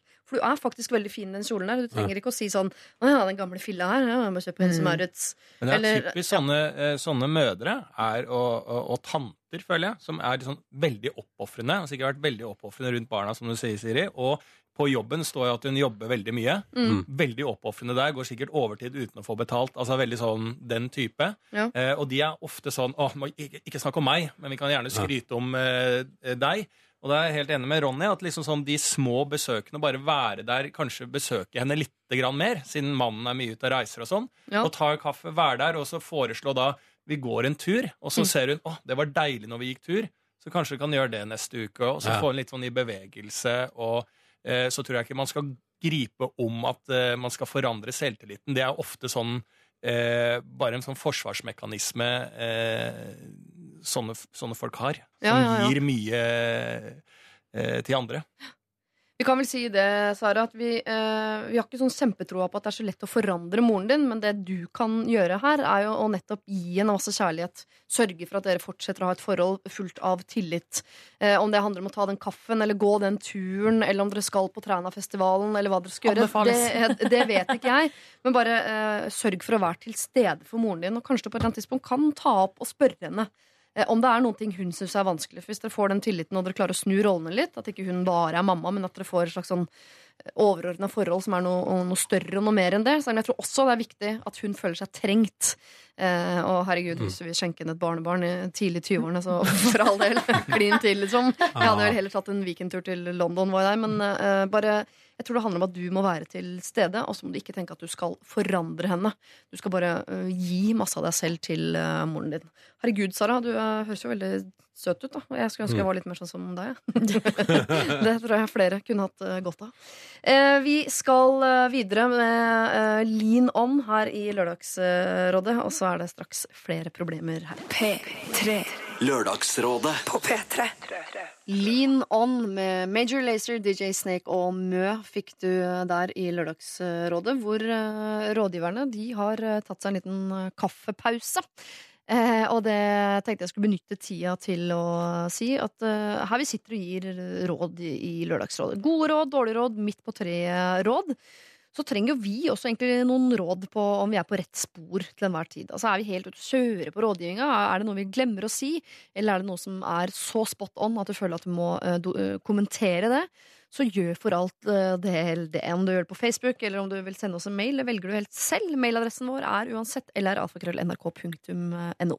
Vi får mye kjærlighetsproblematikk inn hit til Lørdagsrådet, men en ting som ofte kan være nesten like vanskelig som kjærlighet og kommunikasjon og de tingene der, det er penger. Penger er vanskelig, ass.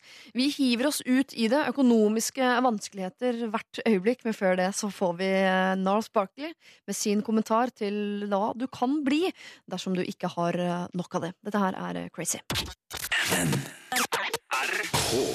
NRK P3 P3. Years and Years med sin King har vi fått servert før det Narls Barkley og sin Crazy, altså her i Lørdagsrådet. Vi sitter sammen med dagens rådgivere, som er Silje Nordnes fra P3 Morgen. Hei.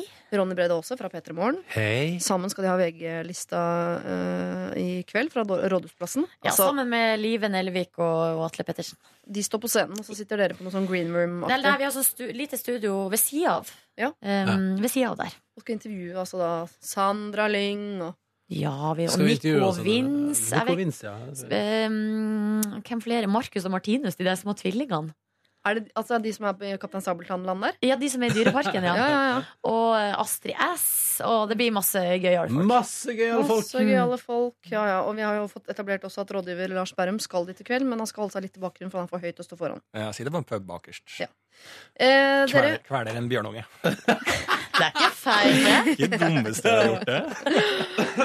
hvor lenge siden er det dere studerte? Oi, jeg, jeg, jeg gikk ut fra eh, Volda i 2010, altså for fem år Oi, siden. det er ikke lenge siden. Nei. 2008 gikk jeg ut. Av Eh, Høgskolen i Oslo, sykepleierutdannelsen. Du blei ferdig, eller? Ja, ja, Du ja. er fullverdig Jeg har jobba som liksom? sykepleier og ja, ja, ja. Ja, nei, jeg spør. Er du gæren? Jeg har redda masse liv, jeg. I 2007 avbrøt jeg en bachelorgrad I digital medieproduksjon. Eller, eller ingenting, da, som vi ville kalle det. Ja, fjollete bachelorgrad. Ja, bare tullet opp. jeg. Verden skulle bruke det til. På Facebook. Ja, ja, det- det lager film. Kunstfilm. Eh, nei, men eh, så da hoppa jeg der etter to år. Så jeg skulle egentlig vært ferdig i 2008, Ja. jeg også. Ja. Eh, men eh, valgte å jobbe her i stedet for. Ja. Så dere har egentlig eh, studenttilværelsen ganske friskt i minne. Ja, jeg vil si det. Eller det føles som de fem årene har i hvert fall gått veldig fort. Jeg må bare si at der, eh, jeg har det friskt i minnet, men det er jo som med alt annet her i livet. Du husker kun de hyggelige stundene. Så jeg har sikkert et veldig positivt inntrykk av det. Ja. Ja. Eh, vi skal hjelpe en fattig student som kaller seg, eh, kaller seg for Truls.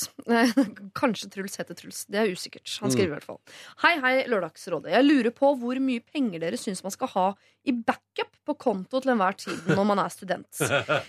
Tidligere, når jeg har bodd hjemme hos mine foreldre, har jeg alltid hatt over 20 000 kroner på konto, og alt over det har føltes som et akseptabelt nivå for meg. Nå leier jeg leilighet sammen med min samboer, og vi har ellers ingen andre faste utgifter enn telefon og forsikring. Leia er på 9000 totalt, og studielånet på rundt 7000 per måned per person. Jeg har ingen jobb, eh, bortsett fra sommerjobb, og har heller ingen muligheter til å ha det. I går sjekka jeg kontoen, og det viser seg at min økonomiske sans tydeligvis har hatt eh, fullstendig ferie denne våren her. Det jeg nå sitter igjen med, er rundt 5000 kroner. Panikk! Men alle rundt meg sier at uh, man har ikke mulighet til å ha penger i backup når man er student, og at uh, det er her reddende foreldre bør komme inn i bildet. Så ja, enkelt forklart. Jeg lurer på hvor mye dere hadde på konto som studenter, og hvor mye dere syns en student burde klare å ha i backup til enhver tid. Hilsen fattig student Truls. Han trenger ikke egentlig råd, han trenger bare en bekreftelse på at han uh, enten er aleine i båten, eller at vi er flere. Jeg kan godt bare begynne. Ja. Uh, null kroner i backup. Jeg hadde ikke et rødt øre i backup, og jeg brukte opp stipendet mitt hver måned. Og altfor ofte, det skammer jeg meg over, men det var ofte jeg måtte ringe hjem og si 'hallo, mamma og pappa, hvordan går det?' Er det muligheter for uh, litt grann, altså at, dere kan, altså at dere kan gjøre sånn at jeg får i meg mat siste veka her? For jeg drikker opp alle penger Ja, ja, det gjorde jeg også. Ja, ja. Altså, men, men det er imponerende hva man får ut av altså, I min tid, da, rett over 6000 kroner i måneden. Der Ja. fikk du, du fikk det mye på de pengene der, ass. Mye fyll og mye god mat. Ja. Mm. Ja, det var stort sett det pengene gikk til. Ja, altså, hva ellers skulle det være? Mm. Nei. Men, men jeg begynte jo å spe på med bijobb i tillegg til studiene etter hvert. da Ja, det her har, det har ikke Truls mulighet til. Nei, Så Ja. da sier jeg bare nei, sorry, Truls, så bra at du hadde litt penger før du begynte å studere, da. Ja. Ja.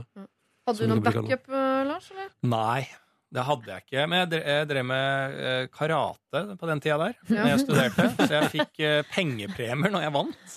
Oi! Eh, og jeg vant litt da, så jeg hadde ofte mye cash. For du fikk cash, ja. Ja, i euro og sånn. Men hvor mye var det for en førsteplass i, i en europamesterskap, for eksempel? oh, Å ja, det var sikkert litt uh, Hva vant du? Jeg, jeg kunne være liksom alt fra 5000 til uh, 10 000 kroner. Da. Altså opp til kommer, eh, 15 000 kunne 15 000 ja, Jeg husker jeg vant 20 000 i løpet av en sånn lang turneringsgreie med mye greier, tror jeg. Og da kjøpte jeg meg scooter på vei hjem. Stemmer det, på Smartklubb? Du har fortalt Ja, om. på Smartklubb, ja. Og Eh, den står fortsatt nå i en bakgård et eller annet sted? Den står i bakgård i Oslo. Mm. fordi den var jo Smartklubb kjørte en scooter fra Kina som ingen kan reparere. Ja. Så den ble bare stående. Men jeg hadde ikke noe særlig backup der. Jeg, tenker at når man er student, så eh, Det er jo bra at man har det økonomiske huet. Ja. Eh, At man begynner å frykte litt. Det er en veldig sånn god egenskap som man aldri må gi slipp på. Men så må man tvinge seg selv til å tenke at når man er student, så er det vanlig å bruke opp alle penga. Mm. eh, Og være i null hele veien. Ja. Men aldri gi slipp på det der hodet der, så da slipper man eh, i e- senere tid å gå på smeller. Sparing kan du gjøre senere, Mm. Ja, for jeg tenker Null er jo ikke farlig. Det er når du er på minussida at det Ja. begynner å bli farlig. Så Ja, det ikke når, eh, forbrukslån og lån. Nei, Altså. ja, det er når mastercardet begynner å komme eh, på banen. Det, det er skummelt. Ja. Mm. Sjøl jeg hadde heller eh, ikke noe backup. Jeg hadde en BSU-konto som jeg fikk penger på da jeg var konfirmant. Uh, og, den, altså, og så satte jeg jo ikke inn noe mer. Nei, nei. Så den bare sto der, liksom. Eh, og hel, ingen buffer whatsoever. Var alltid nede på null når månen var nærma seg slutten. Så på det nivået der at jeg husker at jeg var på butikken en gang, og så hadde jeg vært inne på, og sjekka saldoen. Visste på øret hvor mye penger jeg hadde. Så gikk jeg rundt på butikken og trakk fra. Altså jeg la mat i handlekurven helt til jeg var nede på null. Ja. Og så måtte jeg jo begynne etter hvert å prioritere. Ja. Når jeg begynte å nærme meg null. Ikke sant? Måtte ta ut ting og kanskje legge opp, putte oppi noe annet som jeg hadde mer lyst på. Det er farlig Ja. å du begynner å tenke sånn Trenger jeg egentlig dopapir selv om jeg er tom? Ja, Dopapir Det- det- er vel Det må man vel ha. Ja. Ja, du bytta ut mikropop Kan med makrell tomat og sånn. Ja, ofte, ofte så ble, ble jo maten eh, kanskje bytta ut med noen øl, liksom. Det var jo gjerne det som skjedde. Ja. Eh, og Kan jeg komme med en liten anekdote om en kompis Han som jeg bodde med da jeg studerte i Halden? Ja. Eh, som, eh, for han gjorde en ting som jeg lærte Det, det var fint å lære det at det er kanskje ikke så dumt, fordi det var en lørdag, og da hadde han valget mellom For det var Tequila-fest. Så han hadde valget mellom en hel flaske Tequila eller mat den dagen. Og Ja. når han måtte gå hjem klokka halv ti fordi at han ikke hadde spist og drakk for mye Tequila, da lærte han at da var det feil prioritering. Kunne kjøpt halv flaske i stedet for. for ja, og så litt mat i Ja. tillegg. Ja, ja, Og da husker jeg at jeg tenkte sånn Det, det var et godt poeng at man må ha mat også. Så det husker jeg tenkte sånn Det var smart. Og Altså, jeg, men, og, og jeg mener jo at eh, når man får penger fra Lånekassa, så skal de pengene gå til livets opphold, ikke til sparing. Enig. Altså Staten skal ikke, eh, skal ikke finansiere din sparing. Nei. Er Det, eh, er noe man gjør hvis man eh, jobber ved sida av, eller hvis man har muligheten til det. Eller hvis man har foreldre som eh, chipper inn. Men det er, bra at han gjør, det er bra at han har det i hodet. Sånn Ja, at ja, ja, ja. han bruker opp alt. Jeg tenker at Nei, nei, nei. Fokuser på de 5000 han har nå, Ja. som sine nye 20 000. Mm. Og så prøver han å holde på de 5000 pluss alltid. Mm. Og legge til litt som eh, Ja, en hundrelapp, og, og prøve å heller bygge opp det som et lite eh, imperium da, Men 5000 er jo en buffer når du er student. For at Ja. hva er det hva, Buffer, det er ikke sånn, Du trenger ikke plutselig ny vaskemaskin og sånn. Nei. Det er ikke der. ja. Og du får jo ikke sparken fra Lånekassa, liksom. Har du, er, du kunde der, så får du jo penger året ut Ja. til, ja, til det året er ferdig. Men, det som, men jeg er helt enig med Eller det Lars sier med ta vare på hodet. Det er det hodet der som, som, som skal gjøre at det ikke plutselig dukker opp eh, på ditt initiativ, eh, innsender, et uh, mastercard i posten. Nei, Eh, sant. Det er ja. helt sånn De gangene jeg ser på Luksusfellen, som jo skjer ganske ofte, så får Mm. jeg alltid hetta uh, Jeg har hetta i forkant. Tenker sånn, "Faen, Jeg er ikke så flink med penger lenger som jeg var, og så videre. Så jeg på Luksusfellen tenker sånn OK, alle pengene jeg bruker, er i hvert fall mine. Ja, Jeg er Altså, ikke flink til å spare, men det er mine penger jeg bruker. Jeg driver ikke og bruker pengene til noen andre folk som jeg må betale tilbake med eh, 27 rente og sånn. Jeg har gjort det. Det er ikke så gøy. Ja, det må man ikke gjøre. nei, men altså, jeg mener altså Tenk heller, da får du leve Da får du bruke opp bufferen, men aldri begynn å bruke andre sine penger. Mm. Altså, jeg fikk månedskort Nei, fikk uh, kredittkort i fjor for første gang i mitt liv. Da var jeg 29 år. Ja. Og det, ja, det, men det tenker jeg um, Bankkort, liksom? Ja, kred, Altså Mastercard. Nei. på telegiro og sånn eh, Silje har bare fått mye cash ut av turneringa. Nei, for bankkort fikk jeg da jeg var 16, faktisk. Da fikk jeg sånn ordentlig visa. Fordi jeg skulle studere Jeg skulle til Ecuador som utvekslingsstudent, og da måtte man ha sånn skikkelig visa, ikke sånn visa elektron. Nei. For det funka ikke i, nede i de landene der. Eh, og egentlig så skal man ikke få visa før man er 18, men da fikk jeg dispensasjon. Men så klarte jo jeg å miste visakortet mitt tre ganger på ett år. Bra, Um, og da fikk jeg karantene. Ja. Så da måtte jeg gå uten kort et helt år før jeg igjen fikk kort. Så du klarte å bare reisesjekker, da? Eller? Nei, da var jeg blant annet Jeg var på klassetur i Tyskland, og da hadde jeg med mamma sitt visakort. Ja. Um, og du da- mista det, da, eller? Nei, det som skjedde var at jeg var i minibanken, og så var det noe kluss der jeg fikk ikke ut penger. Det var et eller annet feil. Eh, og så eh, jeg jo var ikke så eh, langtenkt, så jeg gikk jo bare inn i banken og bare Hallo! Nei, nei, nei, nei, nei, nei. Visakortet funka ikke, hva skjer? Og så bare sitter en sånn tysk eh, regelrytter der og bare tar kortet og bare Ja, men det her er jo ikke deg. Hvem er det her sitt kort? Nei, det er mamma sitt kort. Men så var, eh, liker jeg å tro at jeg var såpass søt at det gikk greit. Og du fikk Ja. det tilbake, ja? Ja, jeg fikk det tilbake. Men jeg kunne jo for alt annet visst jeg har rømt hjemmefra, liksom. Ja, ja, ja. Det er sikkert mange som har brukt kortet til mora si uten å spørre. Vil jeg tro, da. Eh, ja. Men hva, eh, Truls, dette er en veldig ukjent problematikk for meg, egentlig. Fordi eh, jeg er enig med dine medstudenter om at det er ikke så normalt å ha en buffer, i hvert fall ikke på 20 000 og mer når man er student. Hvis du har så mye penger, så mener jeg da bør du ikke ha studielån. Eller altså, for studielånet skal gå til eh, bo, mat eh, og Øl. drikke, selvfølgelig. Ja. Eh, og ikke til å sette inn på sparekonto. Og hvis du skal, som dine medstudenter tydeligvis gjør, eh, ringe sine reddende foreldre, syns jeg heller man skal spørre foreldrene sine om å sette inn penger på BSU-kontoen, for de har lov til å spare penger for deg til den dagen du trenger det, Ja, sånn, og du er voksen. Ja, Istedenfor at de skal sp- sponse med øl og Mikropop og de greiene der. Ja. Men å, herregud, Men nå er jeg så hyperfornuftig og kjedelig på de greiene der, da. Trikset mitt var jo liksom at han, hvis jeg snakka med han pappa på telefonen, så var det sånn Ja, hvordan går det? Jo da, det går fint. Og, men, og så si- sa jeg hva jeg hadde spist til middag i dag. Jeg spiste eggerøre og ris til middag i dag, og det var godt. Og, men, og så, og, men det syntes jo han var for ille. Ja. Så da bare, bare dukka det bare opp noe. Penger til pølser. Eh, ja. Smart. Jeg hadde mer den derre Hei, jeg, eh, jeg Jeg har ikke penger til å spise den neste uka. Jeg er lei for det. Beklager, men det, det er faktisk tilfellet. Ja. Uff, ja, Ja, eh, det er vondt, altså. Men det, Ikke kanskje... baser deg på nei, det, liksom. Nei, nei, nei, nei. Uff, jeg. anbefaler det ikke Men hvis du er vant til å ha 20 000 på konto, så burde du i hvert fall være en av de som klarer å få studielån til å vare hele måneden ut. Ja. Det kan du jo selvfølgelig prøve på, men ha noe buffer Nei, det ser jeg ikke noen grunn til at du skal ha. Ikke vær bekymra. Ta det med ro. Kos deg med Mm. de pengene du har. P3. Dette er Lørdagsrådet med Siri Kristiansen. Jungle var det med sin Busy Earning, som jo passer fint rett etter at vi har gitt økonomitips til en eh, ung student som eh, fikk litt hetta over ikke å ha eh, 20 000 i backup på konto. Men vi har vel allerede sagt fra til han om at du kan ta det helt med ro. Det er ikke normalt. I Lørdagsrådet i dag så sitter eh, Lars Berrum, Ronny Brede Aase og Silje Nordnes. Og jeg tenkte jeg skulle spørre dere eh, Jeg har lagt ut bilde av dere på Facebook nå og Instagram. Bare så dere er klar over det. Jeg håper dere er komfortable med det. Eh, Det tror jeg. Eh, har dere noen regler for hva dere liksom kan legge ut av bilder? På Facebook og Instagram, Ja. eller er det helt fritt? Nei, det er jo en viss uh, prosess.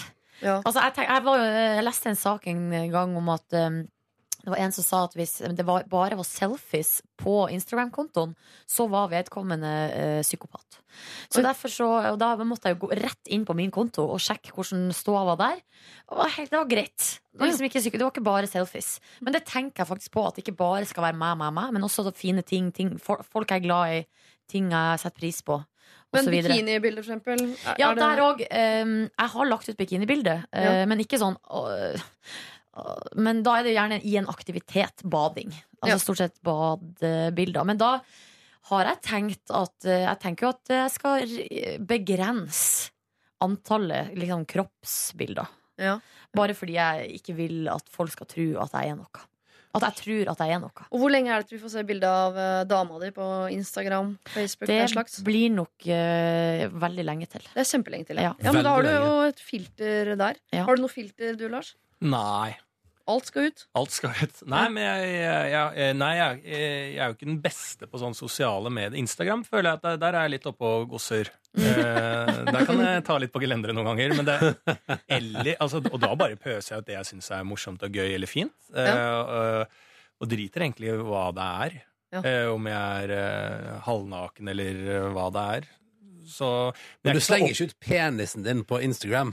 Nei, men jeg hadde ikke hatt noe problem med å gjøre det heller. Hvis det var i riktig humoristisk kontekst, da, eller? Ja, Men da blir jo bildet, bildet blir jo sletta, da. Ja, det er det jeg liksom tenker. Jeg bør ikke slenge en uh, penis i trynet på folk heller. Uh, men det er liksom sånn Jeg har ikke noe Jeg bare Jeg ser Jeg tenker ikke så mye over det.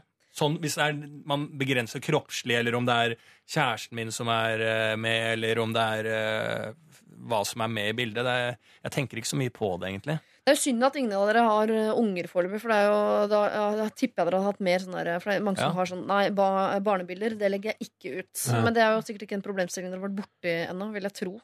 Jeg bestemte meg tidlig for at eh, Instagram eh, rett og slett har blitt min minnebok. Så eh, jeg driter òg egentlig litt i hva jeg legger ut der, Mm. så lenge det er Fordi det gøyeste jeg vet, er jo å bla tilbake igjen og se på Instagram-feeden min hva som ligger der. Og da blir jeg matt hvis det er mye sånn Kanskje litt mye Ja, det må ikke være så mye meg. Det er en del meg, men jeg prøver å begrense det litt fordi eh, og så prøver jeg også å ta bilde andre plasser enn på pub når jeg drikker øl. Uh, for det har blitt mye ølbilde. Så, uh, Men det er liksom det eneste tinget. Men tenker, men da handler det mer om at jeg prøver å tenke sånn Det her vil du kanskje huske om noen år. Ja. Ta bilde av det og legg det ut på Instagram, så har du det her. Så bare krysser jeg alt jeg har i kroppen for at Instagram ikke dør så veldig fort. For nå, akkurat nå så er det mitt fotoalbum fra de siste åra, og jeg liker det veldig godt.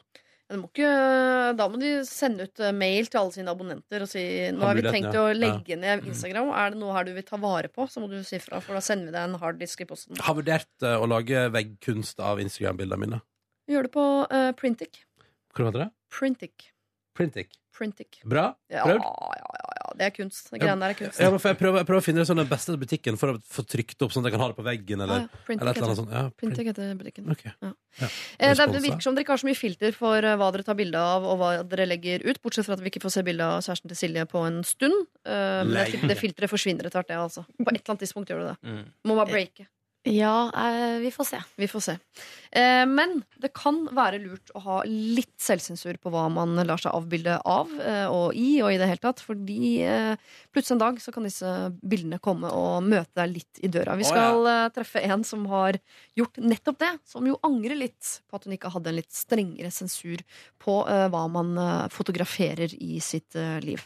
Det får vi høre straks etter at eh, The Weeknd har eh, fremført sin eh, Can't Feel My Face.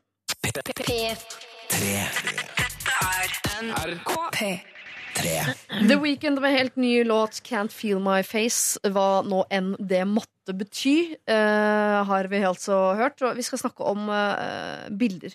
Bilder som kan komme på avveie, Uh, bilder man kanskje ikke skulle tatt, osv. Her står det altså 'Hei. Jeg og min eks gjorde det slutt for ett år siden'. Jeg har kommet meg videre, og det gjorde han også. Han var utro mot meg og ble sammen med en annen nesten samme dagen som vi slo opp.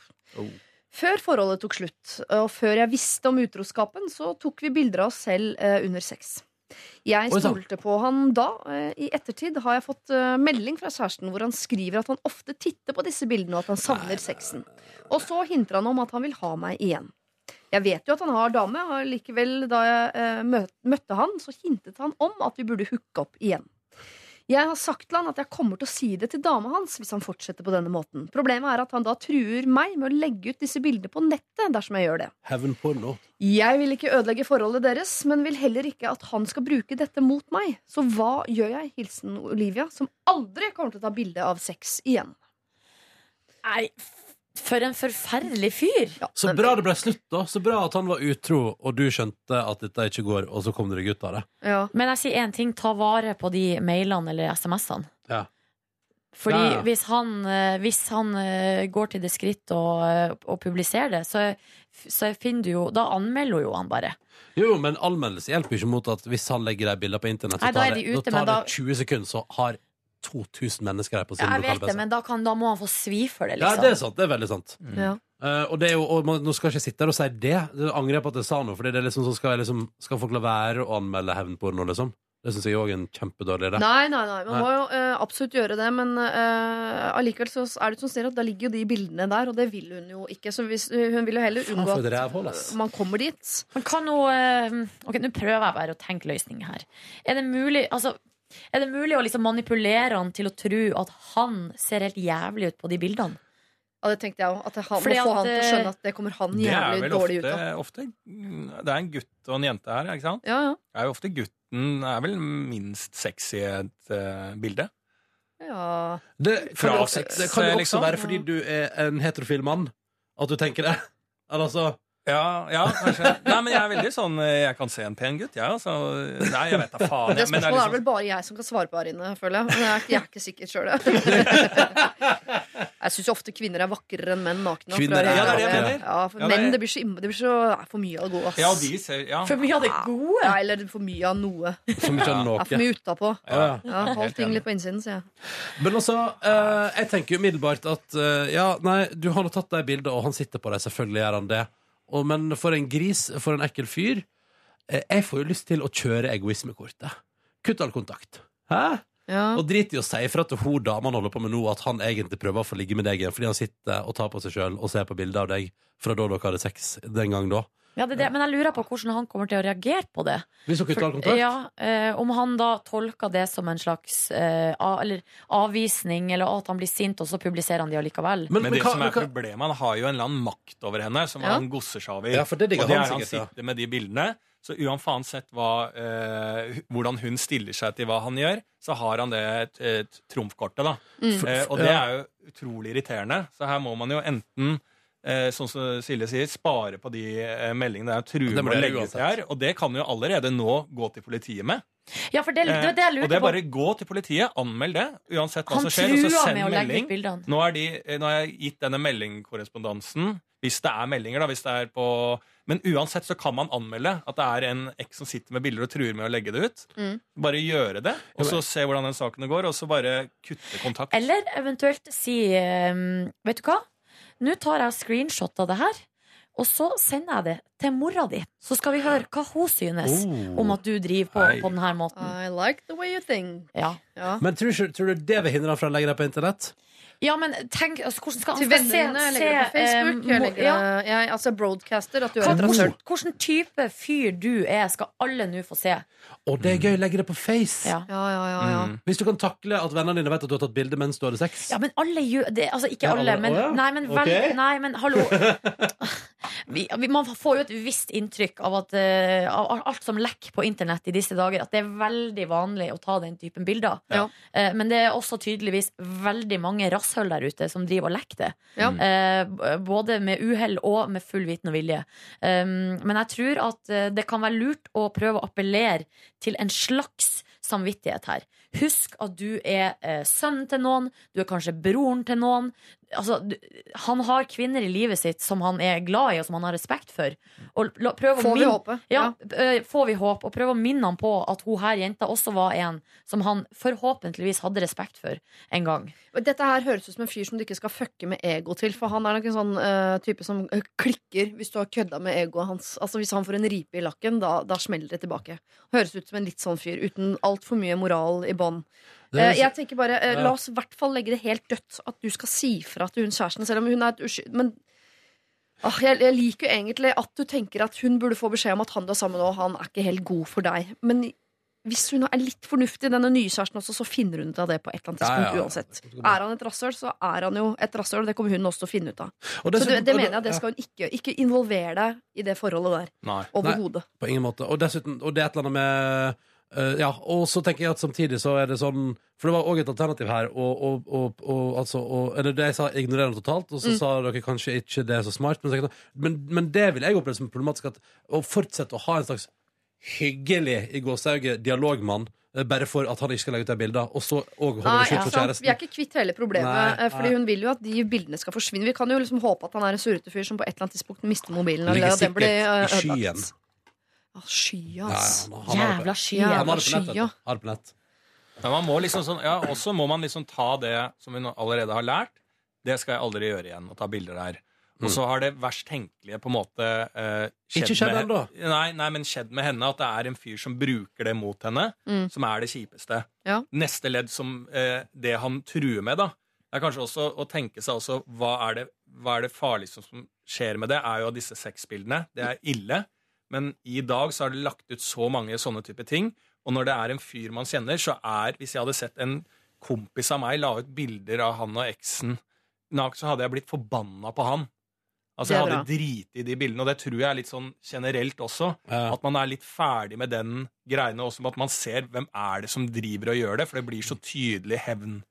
Han kommer til å komme veldig dårlig ut av det. Hvis han gjør det selv om det blir flaut for deg, så kommer han også til å komme veldig dårlig ut av det. Så får man Ja. jo håpe at selv om han høres helt idiot ut, at han skjønner det. Ja. For det er ikke sikkert han Selv om han truer med det, så er det ikke sikkert han, han er i- stand til å gjennomføre det. Jeg likte tanken om å sende mailene og SMS-ene hans videre til eh, enten hele Facebook eller eh, familie. Mm. Ja, fordi, forkjøpet, ja. Fordi Ja, for- hvis, ja. jeg ville jo gjort det allerede nå. Jeg Ja, ja. lagt ut det der. Det fordi hvis han da etterpå legger ut nakenbildene Så vet alle at det er han. Idiot. ja. Men så er jo spørsmålet Men da må man jo, hvis, hvis man for eksempel legger det på Facebook, da så kommer det jo til å være Altså, da kommer det til å være folk som er sånn sjuk fyr. Men så kommer også han til å få et par sånne Ja, så er det noen bilder av henne kunne du sendt til meg, eller? Og så, selvfølgelig kan jeg det. Tror du det? Hvem er det som er sånn? Folk er, så, folk er sånn! Men det, det, jeg blir, jeg blir altså, så jeg mener- overraska når jeg hører sånne her type historier. Jeg blir, hvem er de her menneskene? Det Det viktigste for henne er å gjøre seg ferdig med det. For hun Ja. kan ikke gå i flere år med eh, det her er jo styggen på ryggen. Ja. Altså, du kan ikke gå med den der presset på ryggen hele tida. Og du kan ikke- og du kan ikke ferdig, det. Enten må en drite i det, og bare OK, kommer de ut for dage, så kommer de ut for dage. Men jeg er ferdig med hele opplegget. Slutt å svare, slett ham fra alt som er. Eller så legge ut på Facebook med en stor forklaring. Dette har skjedd. Han var utro mot meg, så det ble slutt. Nå har han spart på bilder og vil tydeligvis true meg, og så, og så legge ut Oh, hele det det med, story, ja. med det screenshotet eventuelt. Eller bare forklaringen, og så kutte all kontakt. Men i hvert fall kutte ut den fyren og det opplegget, fordi at det er psykisk terror over Ja. tid. da. Og ikke la han få lov til å fortsette. Eller ikke svar han eller være høflig mot han bare fordi han sitter på bildet. Ja, Hun må jo ta fra han makten på en eller annen måte. Det er bare det jeg er redd for, er at hvis hun øh, øh, ignorerer han eller øh, gjør noe som provoserer han, så kan en idiot bli til et monster. Og det er litt farlig. Eh, Men selvfølgelig da har hun ting hun kan sende til politiet og alle de tingene der. Men det er bare, er det noen måte å komme han i forkjøpet på? Men det der jeg lurer på, liksom jussen i det her. For sånn som vi snakka om i stad, om det er Er det straffbart å tru med å legge ut den Ja, typen bilder? Absolutt. Ja, men da mener jeg at da, da burde man vurdere Og bare gjøre det bare en det, ja. Bare stikke til politiet. Fordi at um... Men det er ikke sikkert når han har truet med å legge ut, så er det ikke sikkert han har gjort det på SMS. folkens Det kan godt hende at det har han sagt face to face. Ja, det kan da er det vanskelig. Ja, ja, det er vanskelig, men det, jeg tror det er viktigste, i hvert fall sånn eh, fra sånn erfaringer med sånn type ting, press og sånn. Mm. Altså det må bare Det viktigste her er at hun må kvitte seg med det. Ja. Eh, og det er ikke alltid lett å, å få han med å lage taktikker der han går i baret og alt Mm. det der. Skaden på en måte er allerede ute der. Og den er konkret. Han sitter på et bilde som er ubehagelig for henne, og han Mm. truer med det. Eh, og så må man heller komme seg opp til den konsekvensen og takle den fremtidige konsekvensen at det kom på nettet. Det blir Mm. fjerna fort og alt sånn. For han kommer til å fortsette med dette når hun finner seg en ny type, Mm. og han er fortsatt keen, så kommer han bare sånn 'Jeg kommer til å sende bilde til den nye typen din'. Ja, ja, ja. Altså, sånn kommer det til å bare fortsette. Så man bare kutte ut alt. Og finne den riktige måten for henne å kutte det ut. Om det er å, å konfrontere henne på Facebook eller eh, alt sånn. Men må i hvert fall det viktigste for henne er å løse det for seg sjæl.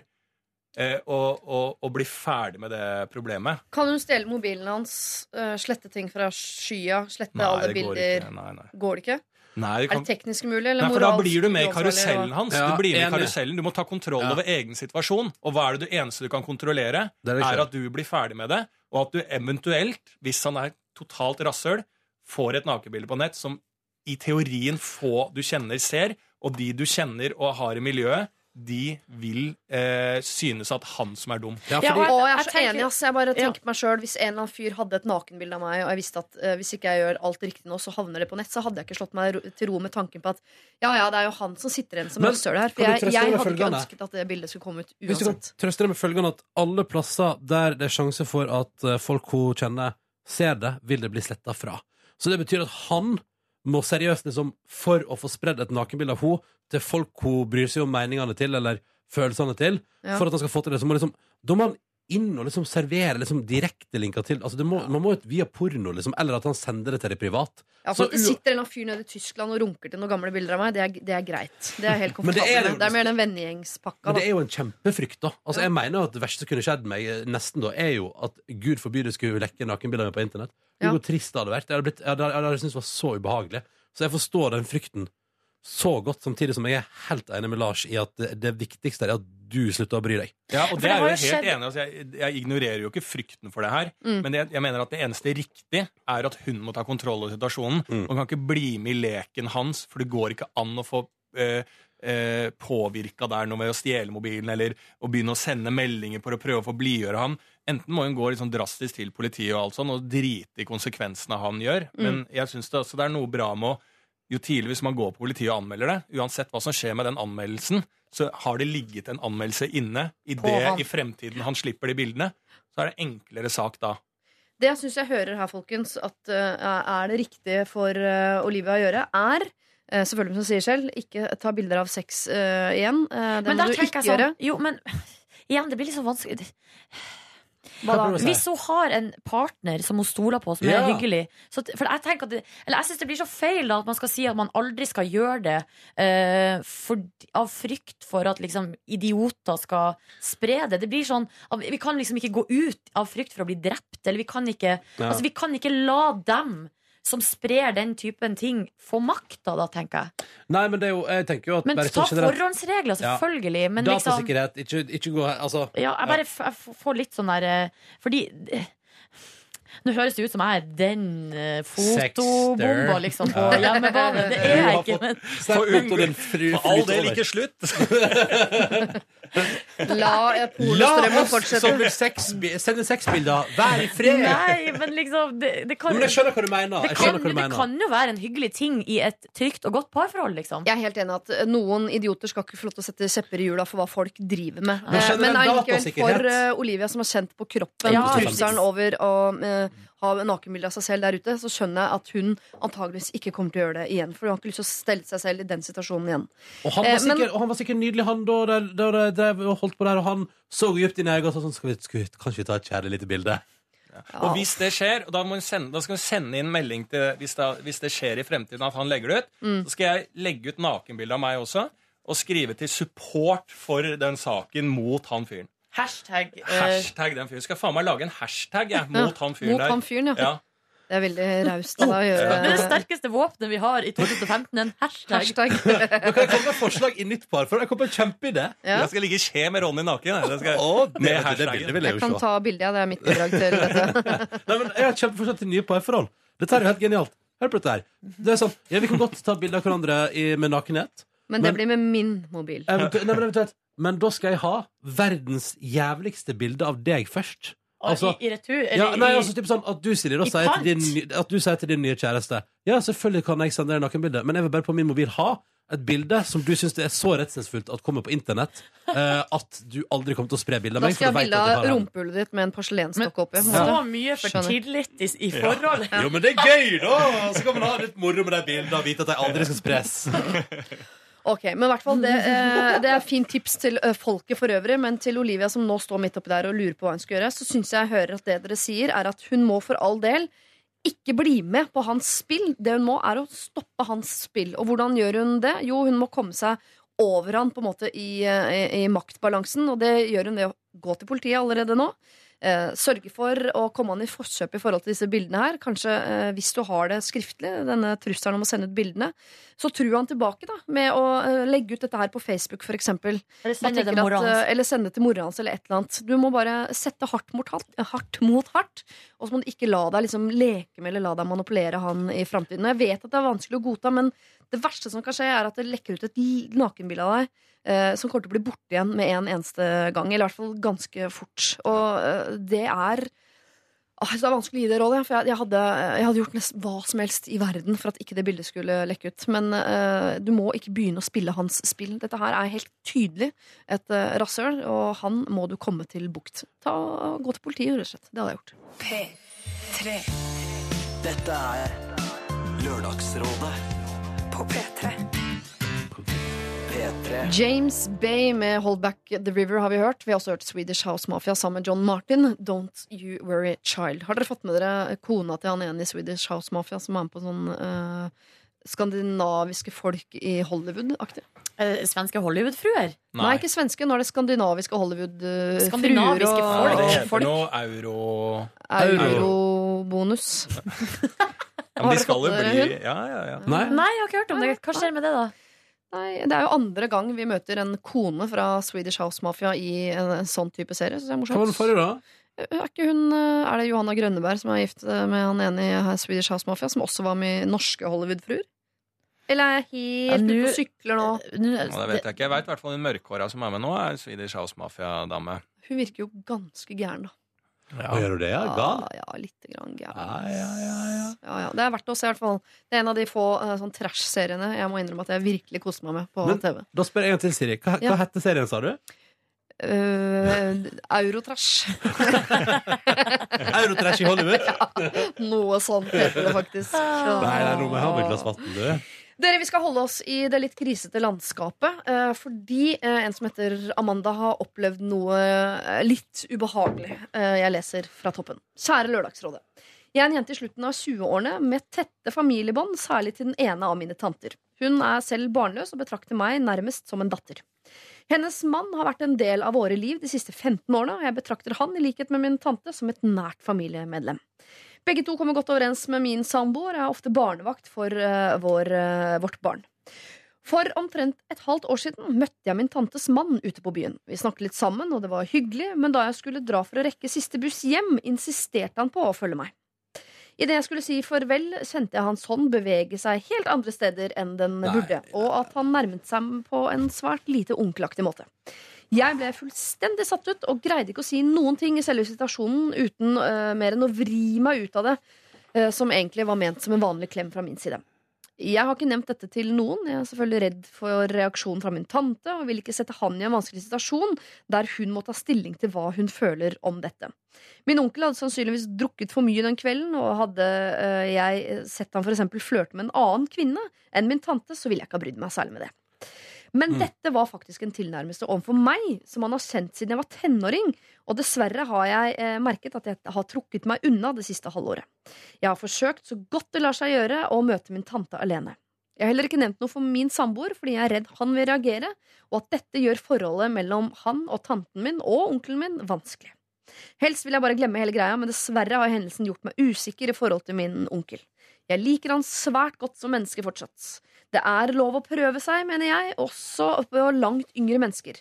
Men jeg greier ikke å fatte hvordan han så lett kunne ha tillate seg overfor et familiemedlem man har et tillitsforhold til. Har dere noen råd til hvordan jeg går videre med dette? Vil jeg oppnå noe godt ved å si noe om dette til min onkel? Det er nå så lenge siden, og jeg vet ikke engang om han har reflektert over dette selv.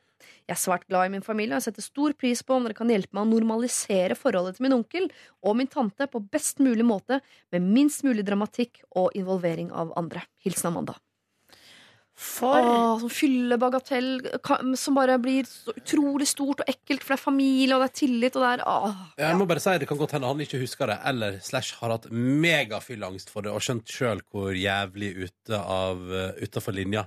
Absolutt. Adeline! Det der var. Men altså, altså, hadde det ikke vært for, uh, for hun her tanta og liksom resten av familien og sånn, så for, sa, skrev hun at hun ikke ville gjøre livet surt for han. Ja, han også er glad i han òg, og det kan ha vært eh, Han er sikkert en flott fyr edru, da. ja. Ja, men det er ikke noe unnskyldning å ha drukket for mye. Det syns jeg ikke. Ikke når du klår på uh, onkelbarnet ditt, niesa di. Hvis ikke det hadde vært noe onkel inne i bildet her, så hadde dette vært en situasjon som bare kunne ligge. Det kunne bare gått videre, ikke tenkt på det. Men fordi det er en fyr som du skal møte framover, og du merker at det er kleint hele tiden, og du vil, øh, så, så må det ryddes opp i på en eller annen måte. Men må man involvere flere enn de to? Jeg tror hun er ganske eh, det er, eh, Da vet jeg ikke om det er liksom det der filmhodet at man har sett for mye sånne type dramafilmer. Du har sett for mye på film. Nei, men at det, når- eh, Hvis hun hadde sagt det nå, da, Ja. så hadde han sikkert kommet henne i forkjøpet da, og sagt det liksom sånn hun drakk for mye, altså de drakk. At hun hadde blir liksom ikke hørt i Oi, det det greiene for han kan sine. si 'hæ, hva snakker du om', din uh, innbilske lille fjols? Eller Ja, at det, liksom hun blir sånn, sånn får sånn u umyndiggjort i forhold til det som Mm. faktisk skjedde, siden det var så vagt. da. ja. Eh, og det er jo litt sånn eh, eh, man ikke skal tenke på, selvfølgelig. Men det er liksom sånn man bør kanskje tenke på det i form av hvem man skal ta opp, og hvordan man skal ta det opp. Ja. Jeg tror man skal være ganske tydelig på hva man mener om situasjonen, og alt sånn, og, og med første ledd at man ikke begynner å hinte til det til onkelen. At man liksom sånn At man ikke begynner å gå svakt med det. Hvis man vil ta det opp, så bør man liksom gå litt tydelig, tenker jeg da. ja. For det er en utrolig vanskelig sak, og jeg, bare, jeg vet ikke hva som eh, er det Altså, for jeg føler at det rette her er jo at han får seg ei ripe i lakken på et eller annet vis. Men samtidig, så altså, Hadde det vært meg, så er jeg redd jeg hadde kjørt full fornekting. Og så bare, jeg bare la, Lat som det ikke har skjedd, ja. som det ikke har skjedd. Ja. Så bare går vi videre, og så, eh, og så på et eller annet tidspunkt så glemmer man det. Og, så, og det, er jo, det er jo ikke bra. Men eh, jeg, tror, jeg, jeg tror og er redd for at det er den, eh, den Han tok henne liksom på Tok på henne, liksom. Hva, hva, hva, kan du gjenta hva hun sa akkurat der? Eh, eh, skal vi se Idet jeg skulle si farvel, kjente jeg hans hånd bevege seg helt andre steder enn den burde, og han nærmet seg meg på en svært lite onkelaktig måte. Hva betyr det? Jeg mener, Dette er tolkninger av, av situasjonen. og det hele tatt Det er ikke sikkert han mente noe, så videre, men jeg tror hvis man, er veldig, hvis man er glad i et menneske, så legger man godvilja til. Hvis Ja. man allikevel opplever det som ekkelt, så er det en grunn til det. Ja. Da, da er det berettiget. Ja, sånn, da var det ikke sånn at uh, han hans ramla innom rumpeballen på vei altså. Så han, men han, hun, jeg syns hun er raus. Hun, eh, hun er glad i han, og hun liker han som menneske. alt sånn. Dette var en veldig lei hendelse. Men jeg er enig i at ikke gjør om den Ikke la den ene hendelsen gjøre om ditt forhold til eh, tanta di, dem imellom, eh, dette barnet de passer, samboerne det, er- det er ikke vits at seks mennesker nå plutselig skal synes at alle er idioter og Fordi han la an på henne i fylla, Ta liksom. det med han, da. Ja, det er det, jeg mener, det er det jeg mener med der, når, han, når hun tar det med han. På å være litt tydelig på hva hun vil at eh, beskjeden skal være. Ja. Og, og gjerne ta det med han og si Du, det har plag jeg liker deg som menneske, og altså, men den kvelden har plaga meg litt. Mm. Bare sånn at du vet det. Når du eh, liksom prøvde det, liksom la litt an på meg, den klemmen der, det var, da fikk jeg en dårlig følelse. Ja. Eh, du er sikkert, var sikkert full, kanskje du ikke husker det, men bare si det, og jeg er fortsatt glad i deg, vil ikke lage noe stor greie ut av det. Så får han muligheten til å forklare seg. Kanskje han bryter sammen i gråt og tenker Ja. 'herregud, jeg har hatt vondt i et halvt år'. Og, Mm. og det er ikke noe unnskyldning, men det kan være en forklaring, og det kan være forsonende, og det kan være det som gjør at de kan gå videre som en lykkelig familie hvor alle har det hyggelig sammen. Og Sånn dette som sier jeg kun fordi at hun påpeker at det er bra forhold der, og at Ja. hun vil ha det. Hvis det hadde vært ja, at han var fortsatt et slibrig fyr, Ja. så hadde jeg sagt noe helt annet. Da Det hadde vært bare- to forsøk, Ja. altså to hendelser her, så hadde jeg også vært helt sånn Da må han må bort. Ja, vet, vet, Ja, vet, ja. vet, Det første jeg tenkte nå, vet du hva det var, det var sånn Tenk om, eh, tenk om en eventuell konfrontasjon med hele slekta for eksempel fører til at altså, Tenk deg hva tante altså, Der kan jo plutselig tanta få en sånn reaksjon at hver gang hun møter innsender her, så tenker hun på Å ja, det var, det var nesa mi som eh, mannen min la an på. Skjønner du? Altså, det kan Men det plutselig er jo i så fall ikke innsender sin feil. Da. Nei, det er nei, hans feil. Nei, nei. Men jeg vil bare si at jeg lufta den tanken Ja. inn i mitt hode at sånn, herregud, det, kan, til, det, altså, det er jo såpass liksom, øh, at det kan ødelegge forholdet til flere. Ja, men det er på sin må plass, hvis, det er, hvis det er det jeg mener. Hvis hun synes at han er dust, og at dette her bør få konsekvenser, så må ja, gønn på. Si det til alle. Amanda, vi må være helt enige om at Amanda her er 100 uskyldig i dette. Ja. Ja, ja, Ikke sant? Eh, eh, Hun er et offer i hele denne greia her. Og, men samtidig så syns jeg at Prøv i hvert fall først å se om du kan fikse opp i det uten at, det, at dette blir en vond greie for flere enn en deg At det og ikke blir sånn din. dansk dogmefilmstemning. For jeg bare tenker sånn, Det bringer ikke noe godt med seg at alle, hele familien skal gå og tenke på dette. For det, da blir bare Alt blir vanskelig, da, i stedet for at det nå er vanskelig for, for de to. Og jeg syns ikke at Amanda skal gå og bære på dette her. Jeg syns Amanda må eh, konfrontere onkelen sin. Å, for en situasjon. Men jeg er litt Men sånn, gjør det på sånn, Har du ikke merka siste halvåret at jeg har trukket meg litt unna? Jeg beklager det. Jeg syns det har vært veldig vanskelig siden Ja. den, den hendelsen. Husker du? Jeg prøver å komme over det. Jeg klarer det ikke. Ja. Hva Ja, det skjedde? være- ja, Hvorfor det skjedde være- det? Ja. Ja.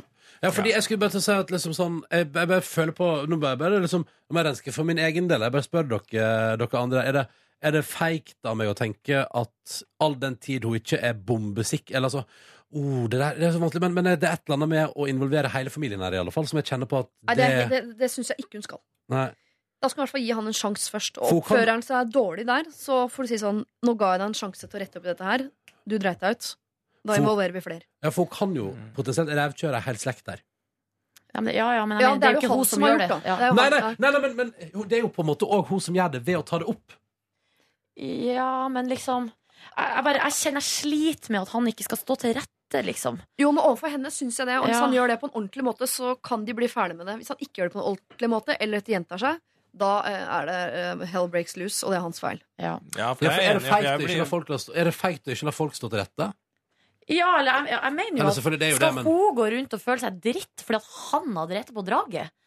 Liksom. Nei, det syns jeg ikke. og så syns jeg det er for lett for folk generelt i, uh, i verden å slippe unna med ting bare for man tar tida til hjelp. Du har oppført deg som en dust, men fordi ingen tør å ta det opp med, så kan du bare gå rundt og være idiot Dust, og ta ja. tida til hjelp. Det syns ikke jeg er greit. Folk eh, flest burde få Hvis du har oppført deg dårlig, så må du få det i trynet. Ja, da får det jo konsekvenser, liksom. Ja, men ikke for uskyldig. Altså, Amanda Nei. er uskyldig. Ja. Det er også tante, samboer, barnebarn, alt det der. Det Mm. er bare onkel her som har oppført seg dårlig. Ja, og jeg, ser, jeg, jeg, jeg får sånn veldig sånn uh, hardt på at uh, si det til alle, si det til hun tanta som er sammen med en Du mener det? som prøver seg på nesen. Jeg, jeg, jeg, umiddelbart så blir jeg det. For et Ja. Tillitsbrudd! For Ja, for jeg blir så provosert på sånn, sånn type ting i utgangspunktet, da. Ja. Eh, Ja, det er jo- sånn at det de prøver seg, så- Men det er være mindre subtilt enn det greiene der. Altså. Ja, og det er derfor, siden det er litt sånn såpass subtil, og han var kanondritings, eller hva vi legger i Og det her hun Og hun egentlig liker han. Det syns jeg veier litt inn på at Ja. så jeg, jeg, At hun jeg, fortsatt vil ha det forholdet, for det er lyden i mailen at hun fortsatt liker han som person, og alt sånn, og Mm. vil gjøre det udramatisk. Ja. Det, her, det er jo viktige ting som vi tar utgangspunkt i mailen, da. Ja, ja, Sånn at vi ikke eh, eh, Ja, du mailet og vært helt ute av seg. Det er Ja. ekkelt. Jeg, har ikke orket å gå ut etterpå. Nei, sånt. Da, det da, jo- da, Og da syns jeg perfekt som Siri sier, ta det opp med onkelen først. Eh, vær presis der.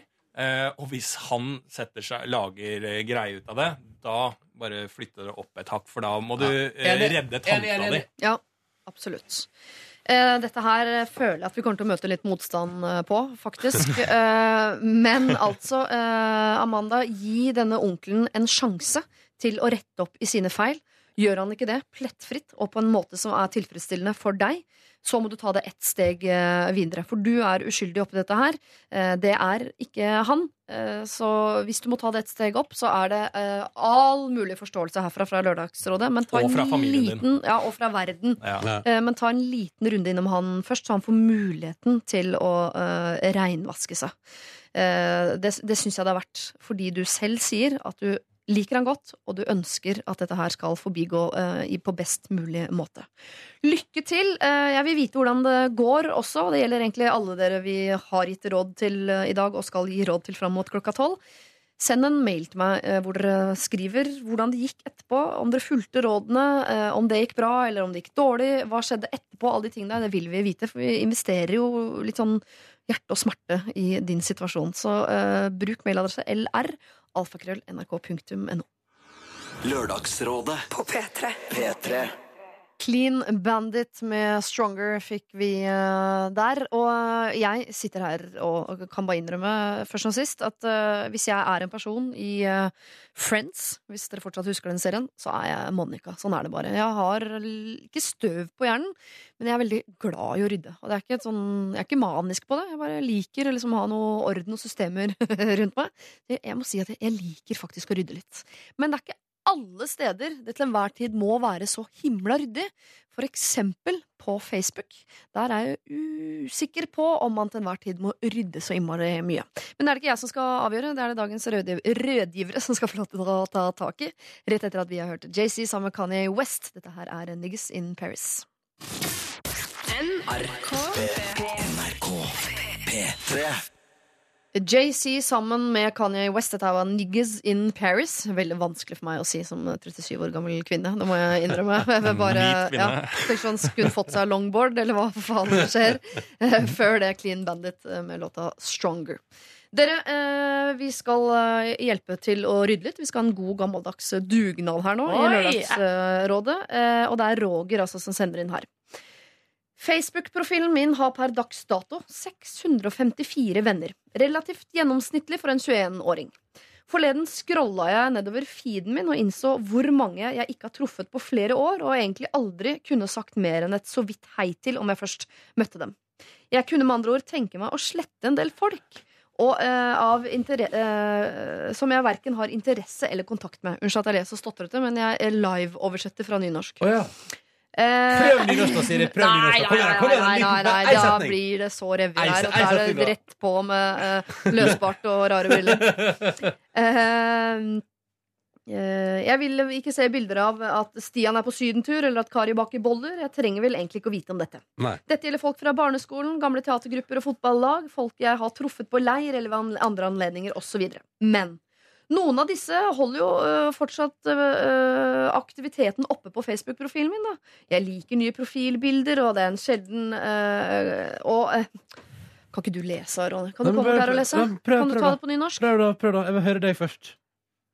Nei, eh, sorry. Det er, det er som å be meg synge karaoke. Jeg syns det er så flaut. Jeg klarer ikke, altså. Eh, jeg får lese enda saktere. Ok Er det likevel innafor å slette de, eller er det slemt når de en gang iblant anerkjenner min Facebook-eksistens? Er jeg sånn, smålig, eller går det an å forstå at det føles unaturlig av Facebook-venner man så vidt har nikka og smilt til på gata?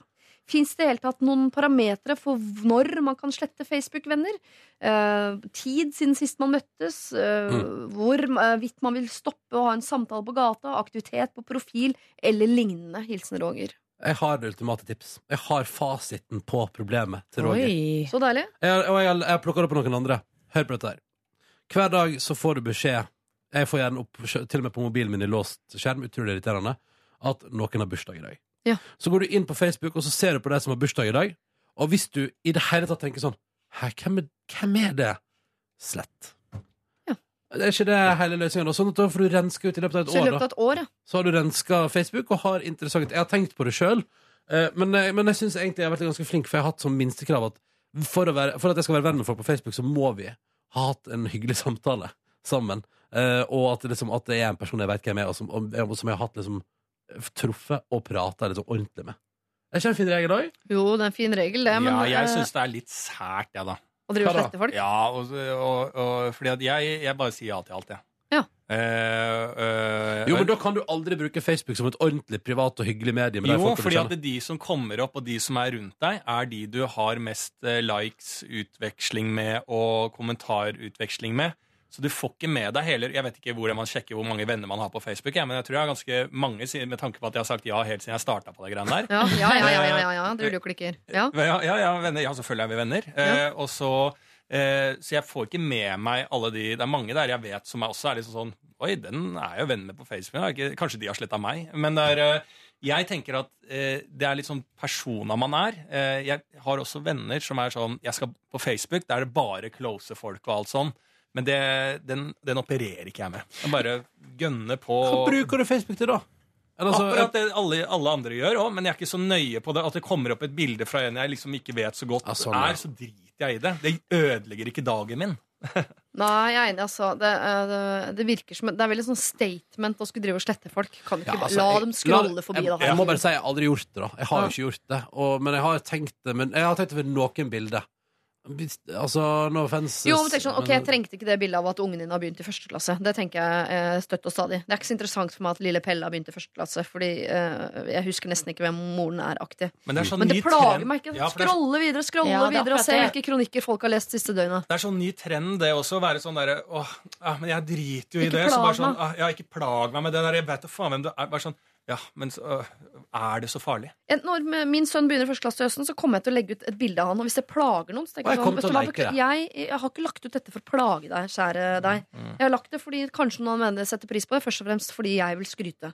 Ja. Og og hvis hvis, jeg venn- deg, eh, Hvis jeg er venn med Roger Ja. eh, uten å vite det, og han hadde sletta meg, og jeg hadde sett det, og bare Å ja, en fyr har sletta meg, så hadde jeg ikke blitt fornærma. Så det er også et tips til Roger. At Å ja, eh, det er bare å gjøre det, det er liksom. bare å gjøre det. Jeg tror ikke man får beskjed om det heller. skjønner du Nei. Jeg tror ikke du vil merke det. Nei, du merker det neste gang du, opp, ne, du merker det neste gang da Lars oppsøker Roger, og det står 'add friend' istedenfor 'friends'. Ja, ja, Nå har jo du, Lars, er på profilen din. Du har 2085 venner. Hvor mye hadde han, da? Nei, Eh, det vet 654. altså, Du har mange flere. Ja, ok, ja. Gratulerer. Du Hva var det jeg ville vite? Roger burde vel i hvert fall bli mer selektiv i hvem han svarer ja på da uh, framover. Ikke Ja. sant? Slutte å si ja til absolutt uh, alle. Og jeg, hvis jeg hadde fått opp en dag sånn uh, ad, f altså friend-greie på en eller annen Jeg trodde sånn Jøss, har ikke vi vært venner før da? Så jeg tenkte sånn Teknisk klipp. Mm. Nå er det han Ja, der, sånn. sjefen bak Facebook som har Altså Mark har Ah, ja. dritt seg ut. Zuckerberg har Ja, vært ja, inne ja, og Du er tenker det er mer enn eh, noen sletter meg, angrer på det, la meg til igjen? Nei, aldri tenkt. Nei, nei. Aldri tenkt. Nei, og Det er viktig tips til Roger. Ja. Gønn på, slett som bare det. Det er ingen som legger merke til det, og hvis de legger merke til det, så tror de det er en feil oppstått. Men jeg, ha, jeg hadde en situasjon i fjor der jeg uh, møtte ei, eh, ei jente, en, en bekjent, ei venninne av en kompis. Um, og så ble vi introdusert for hverandre, fordi det var, altså, vi var på en måte plutselig bare i en ny setting. Og så sier jeg å ja, men vi er jo venner på Facebook. Fordi det trodde jeg i helt ærlig og god tro. Mm. Og så sier hun nei, det er vi ikke, du må ha sletta meg. Og jeg bare. Eh, nei, og så bare ble det så rart. Fordi jeg visste ikke hva jeg skulle si. Fordi det hadde jeg jo ikke gjort. Jeg har aldri sletta noen på Å, så det Facebook. kan skje? Så jeg bare, det, så den situasjonen Eller var kanskje hun sletta deg og prøvde å legge blamen over på deg? jeg vet ikke hva som skjedde. Det var bare så utrolig rart. Og da, det, første, det er den en, første og eneste gangen jeg har opplevd at, ehm, at det har blitt konfrontert. Da. Ja. Og det var ganske ubehagelig. Sånn at eh, det, kan, det, det kan jo skje Ja. at noen eh, liksom eh, henger seg opp i det, at de oppdager at de har blitt sletta, ja. Men da har jeg et kontrollspørsmål til uh, deg, Roger, og alle dere Rogere der ute som går rundt og tenker at uh, det er så plagsomt uh, med folk du ikke sender på Facebook, at du har lyst til å slette de. Hva er du mest komfortabel med? Å se et bilde av eh, eh, små peller med en førsteklassesekken sin på i ny og ne? Eller at folk går ut og tenker at du er en idiot som har slettet det fra Facebook? Jeg tenker at det blir eh, At, man, eh, at det blir noen bollebilder og noen skolebilder. Ja, Det, scroll er bare, så bare går man bare forbi. Boller er uansett digg å se bilde av. og eh, et eh, triks også som eh, finnes, det er jo hide eh, posts Ja. from this Ja, person. ja, ja, Det er brukt. Det er brukt. Og, da, og det er ikke blokkering, eller noe sånt men det betyr bare at eh, de, alle de kjedelige bollebildene De kommer ikke opp i din feed. Og det som er gøy med det, for hver gang du hider noen, så dukker det opp en bare 'Å, hun hadde jeg glemt!' Og hun la ut masse morsomt. Dette var gøy. Og så er det en ny fest på Facebook. Så det anbefaler jeg Ja, men egentlig akkurat- alle å gjøre. Ja, for det, her, det, det har jeg faktisk brukt på et par. Ja, Ja, samme det må man gjøre, ass. Det må Ja, man gjøre. Du har brukt det, du, Lars. Nei, jeg vet ikke hvor det er engang. De verste kronikkrytterne tenker sånn Å, må du legge ut tre kronikker om dagen som handler om eh, barnevern og den slags Jeg orker ikke. Jeg orker ikke det. Beklager. Men det man gjør da, er at eh, på alle postene som legges på Facebook, så er det en sånn liten pil helt oppe i høyre hjørne. Mm. Så bare trykk du på den, og så kommer det uh, Hide, don't wanna see uh, posts from this person. Og de får aldri beskjed om det. Nei, men du får opp bursdag som får det opp fortsatt. Men det Ja. takler dere. Det eneste jeg eventuelt tenker er sånn Jøss, nå har ikke Silje Nordnes leika noe jeg har sagt på Facebook for på fire år. Nei, men jeg Han går ikke fra å like til Han, han liker Nei. ikke. nei, Nei, jeg liker jo nesten ingenting. Men helt stille. Til vi gir oss på den eh, Silje Takk skal du ha, Silje. Jeg liker Nei. nesten ingenting. Nei, men jeg liker de tingene som på en måte står ut, da. Ja. Mm. Men Jeg eh, har på her, liksom. er litt Det er også en trend som kommer nå. Jeg liker ikke hva som helst, liksom? For å levere noen ordentlige Jeg greier. er vet nien gnien på likes. At du har fått deg sommerjobb, det driter jeg i. Kom tilbake når du har fått fast jobb. Så skal. Fått unge, ja ja. Vi som er tvillinger. Roger, eh, vet du hva, jeg syns ikke du skal rydde Mari på Facebook. Ja. Den dugnaden der må man ikke ta. Det er litt sånn, jeg syns det er litt kokettering med sånn Å, dette her det er så irriterende, det er så mye bilder her som er kjedelige og sånn. Men jeg, jeg skjønner frustrasjonen. Det er en del ting man er lei av å se der, eksempel. Og da er altså løsningen å hide ting. Det er veldig veldig enkelt. Bitte, bitte liten prosess. Og det er ingen som sitter i andre enden der og tenker sånn Hva, hva skjedde med Roger? Har han uh, tatt meg bort fra Facebook, eller? Så det mener jeg det er en vinn-vinn-situasjon for deg og dine såkalte venner på Facebook.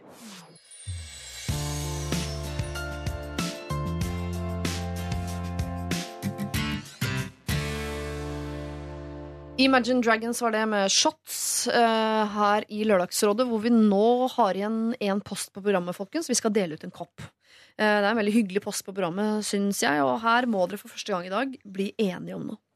Uh, er det altså denne jenta som er forelsket i en fyr som har samme hobby som henne selv, men han er ganske mye yngre, som skal få en kopp. Hun ønsker å, invitere han med på noe, men tør ikke. Er redd for å miste ansikt. Fortjener hun en kopp, spør jeg dere. Eller er det denne jenta vi lærte å kjenne, Sara, som ønsker å hjelpe sin mor, som hun mener at sliter med litt dårlig selvtillit, som fortjener en kopp? Er det eh, han som har eh, et litt sånn økonomisk spørsmål om hvor mye man burde ha i backup som student på kontoen sin, som skal få koppen? Eller er det denne uh, Olivia, som jo står i en ganske vanskelig situasjon fordi eksen hennes uh, har noen sexbilder av henne som han truer med å legge ut dersom hun uh, gjør noe ut av sine trusler om å fortelle den nye kjæresten hans at han fortsatt driver og prøver seg på henne. Er det denne piken som har fått litt grisete tilnærmelser fra sin onkel, og som nå et halvt år senere ikke klarer å glemme det og lurer på hvordan hun kan få komme seg videre uten å dra med seg for mange i dragsuget? Eller har vi da eh, Roger, som ønsker å rydde på Facebook, som fortjener denne koppen? Mm. Jeg har en umiddelbar favoritt, da. Ja.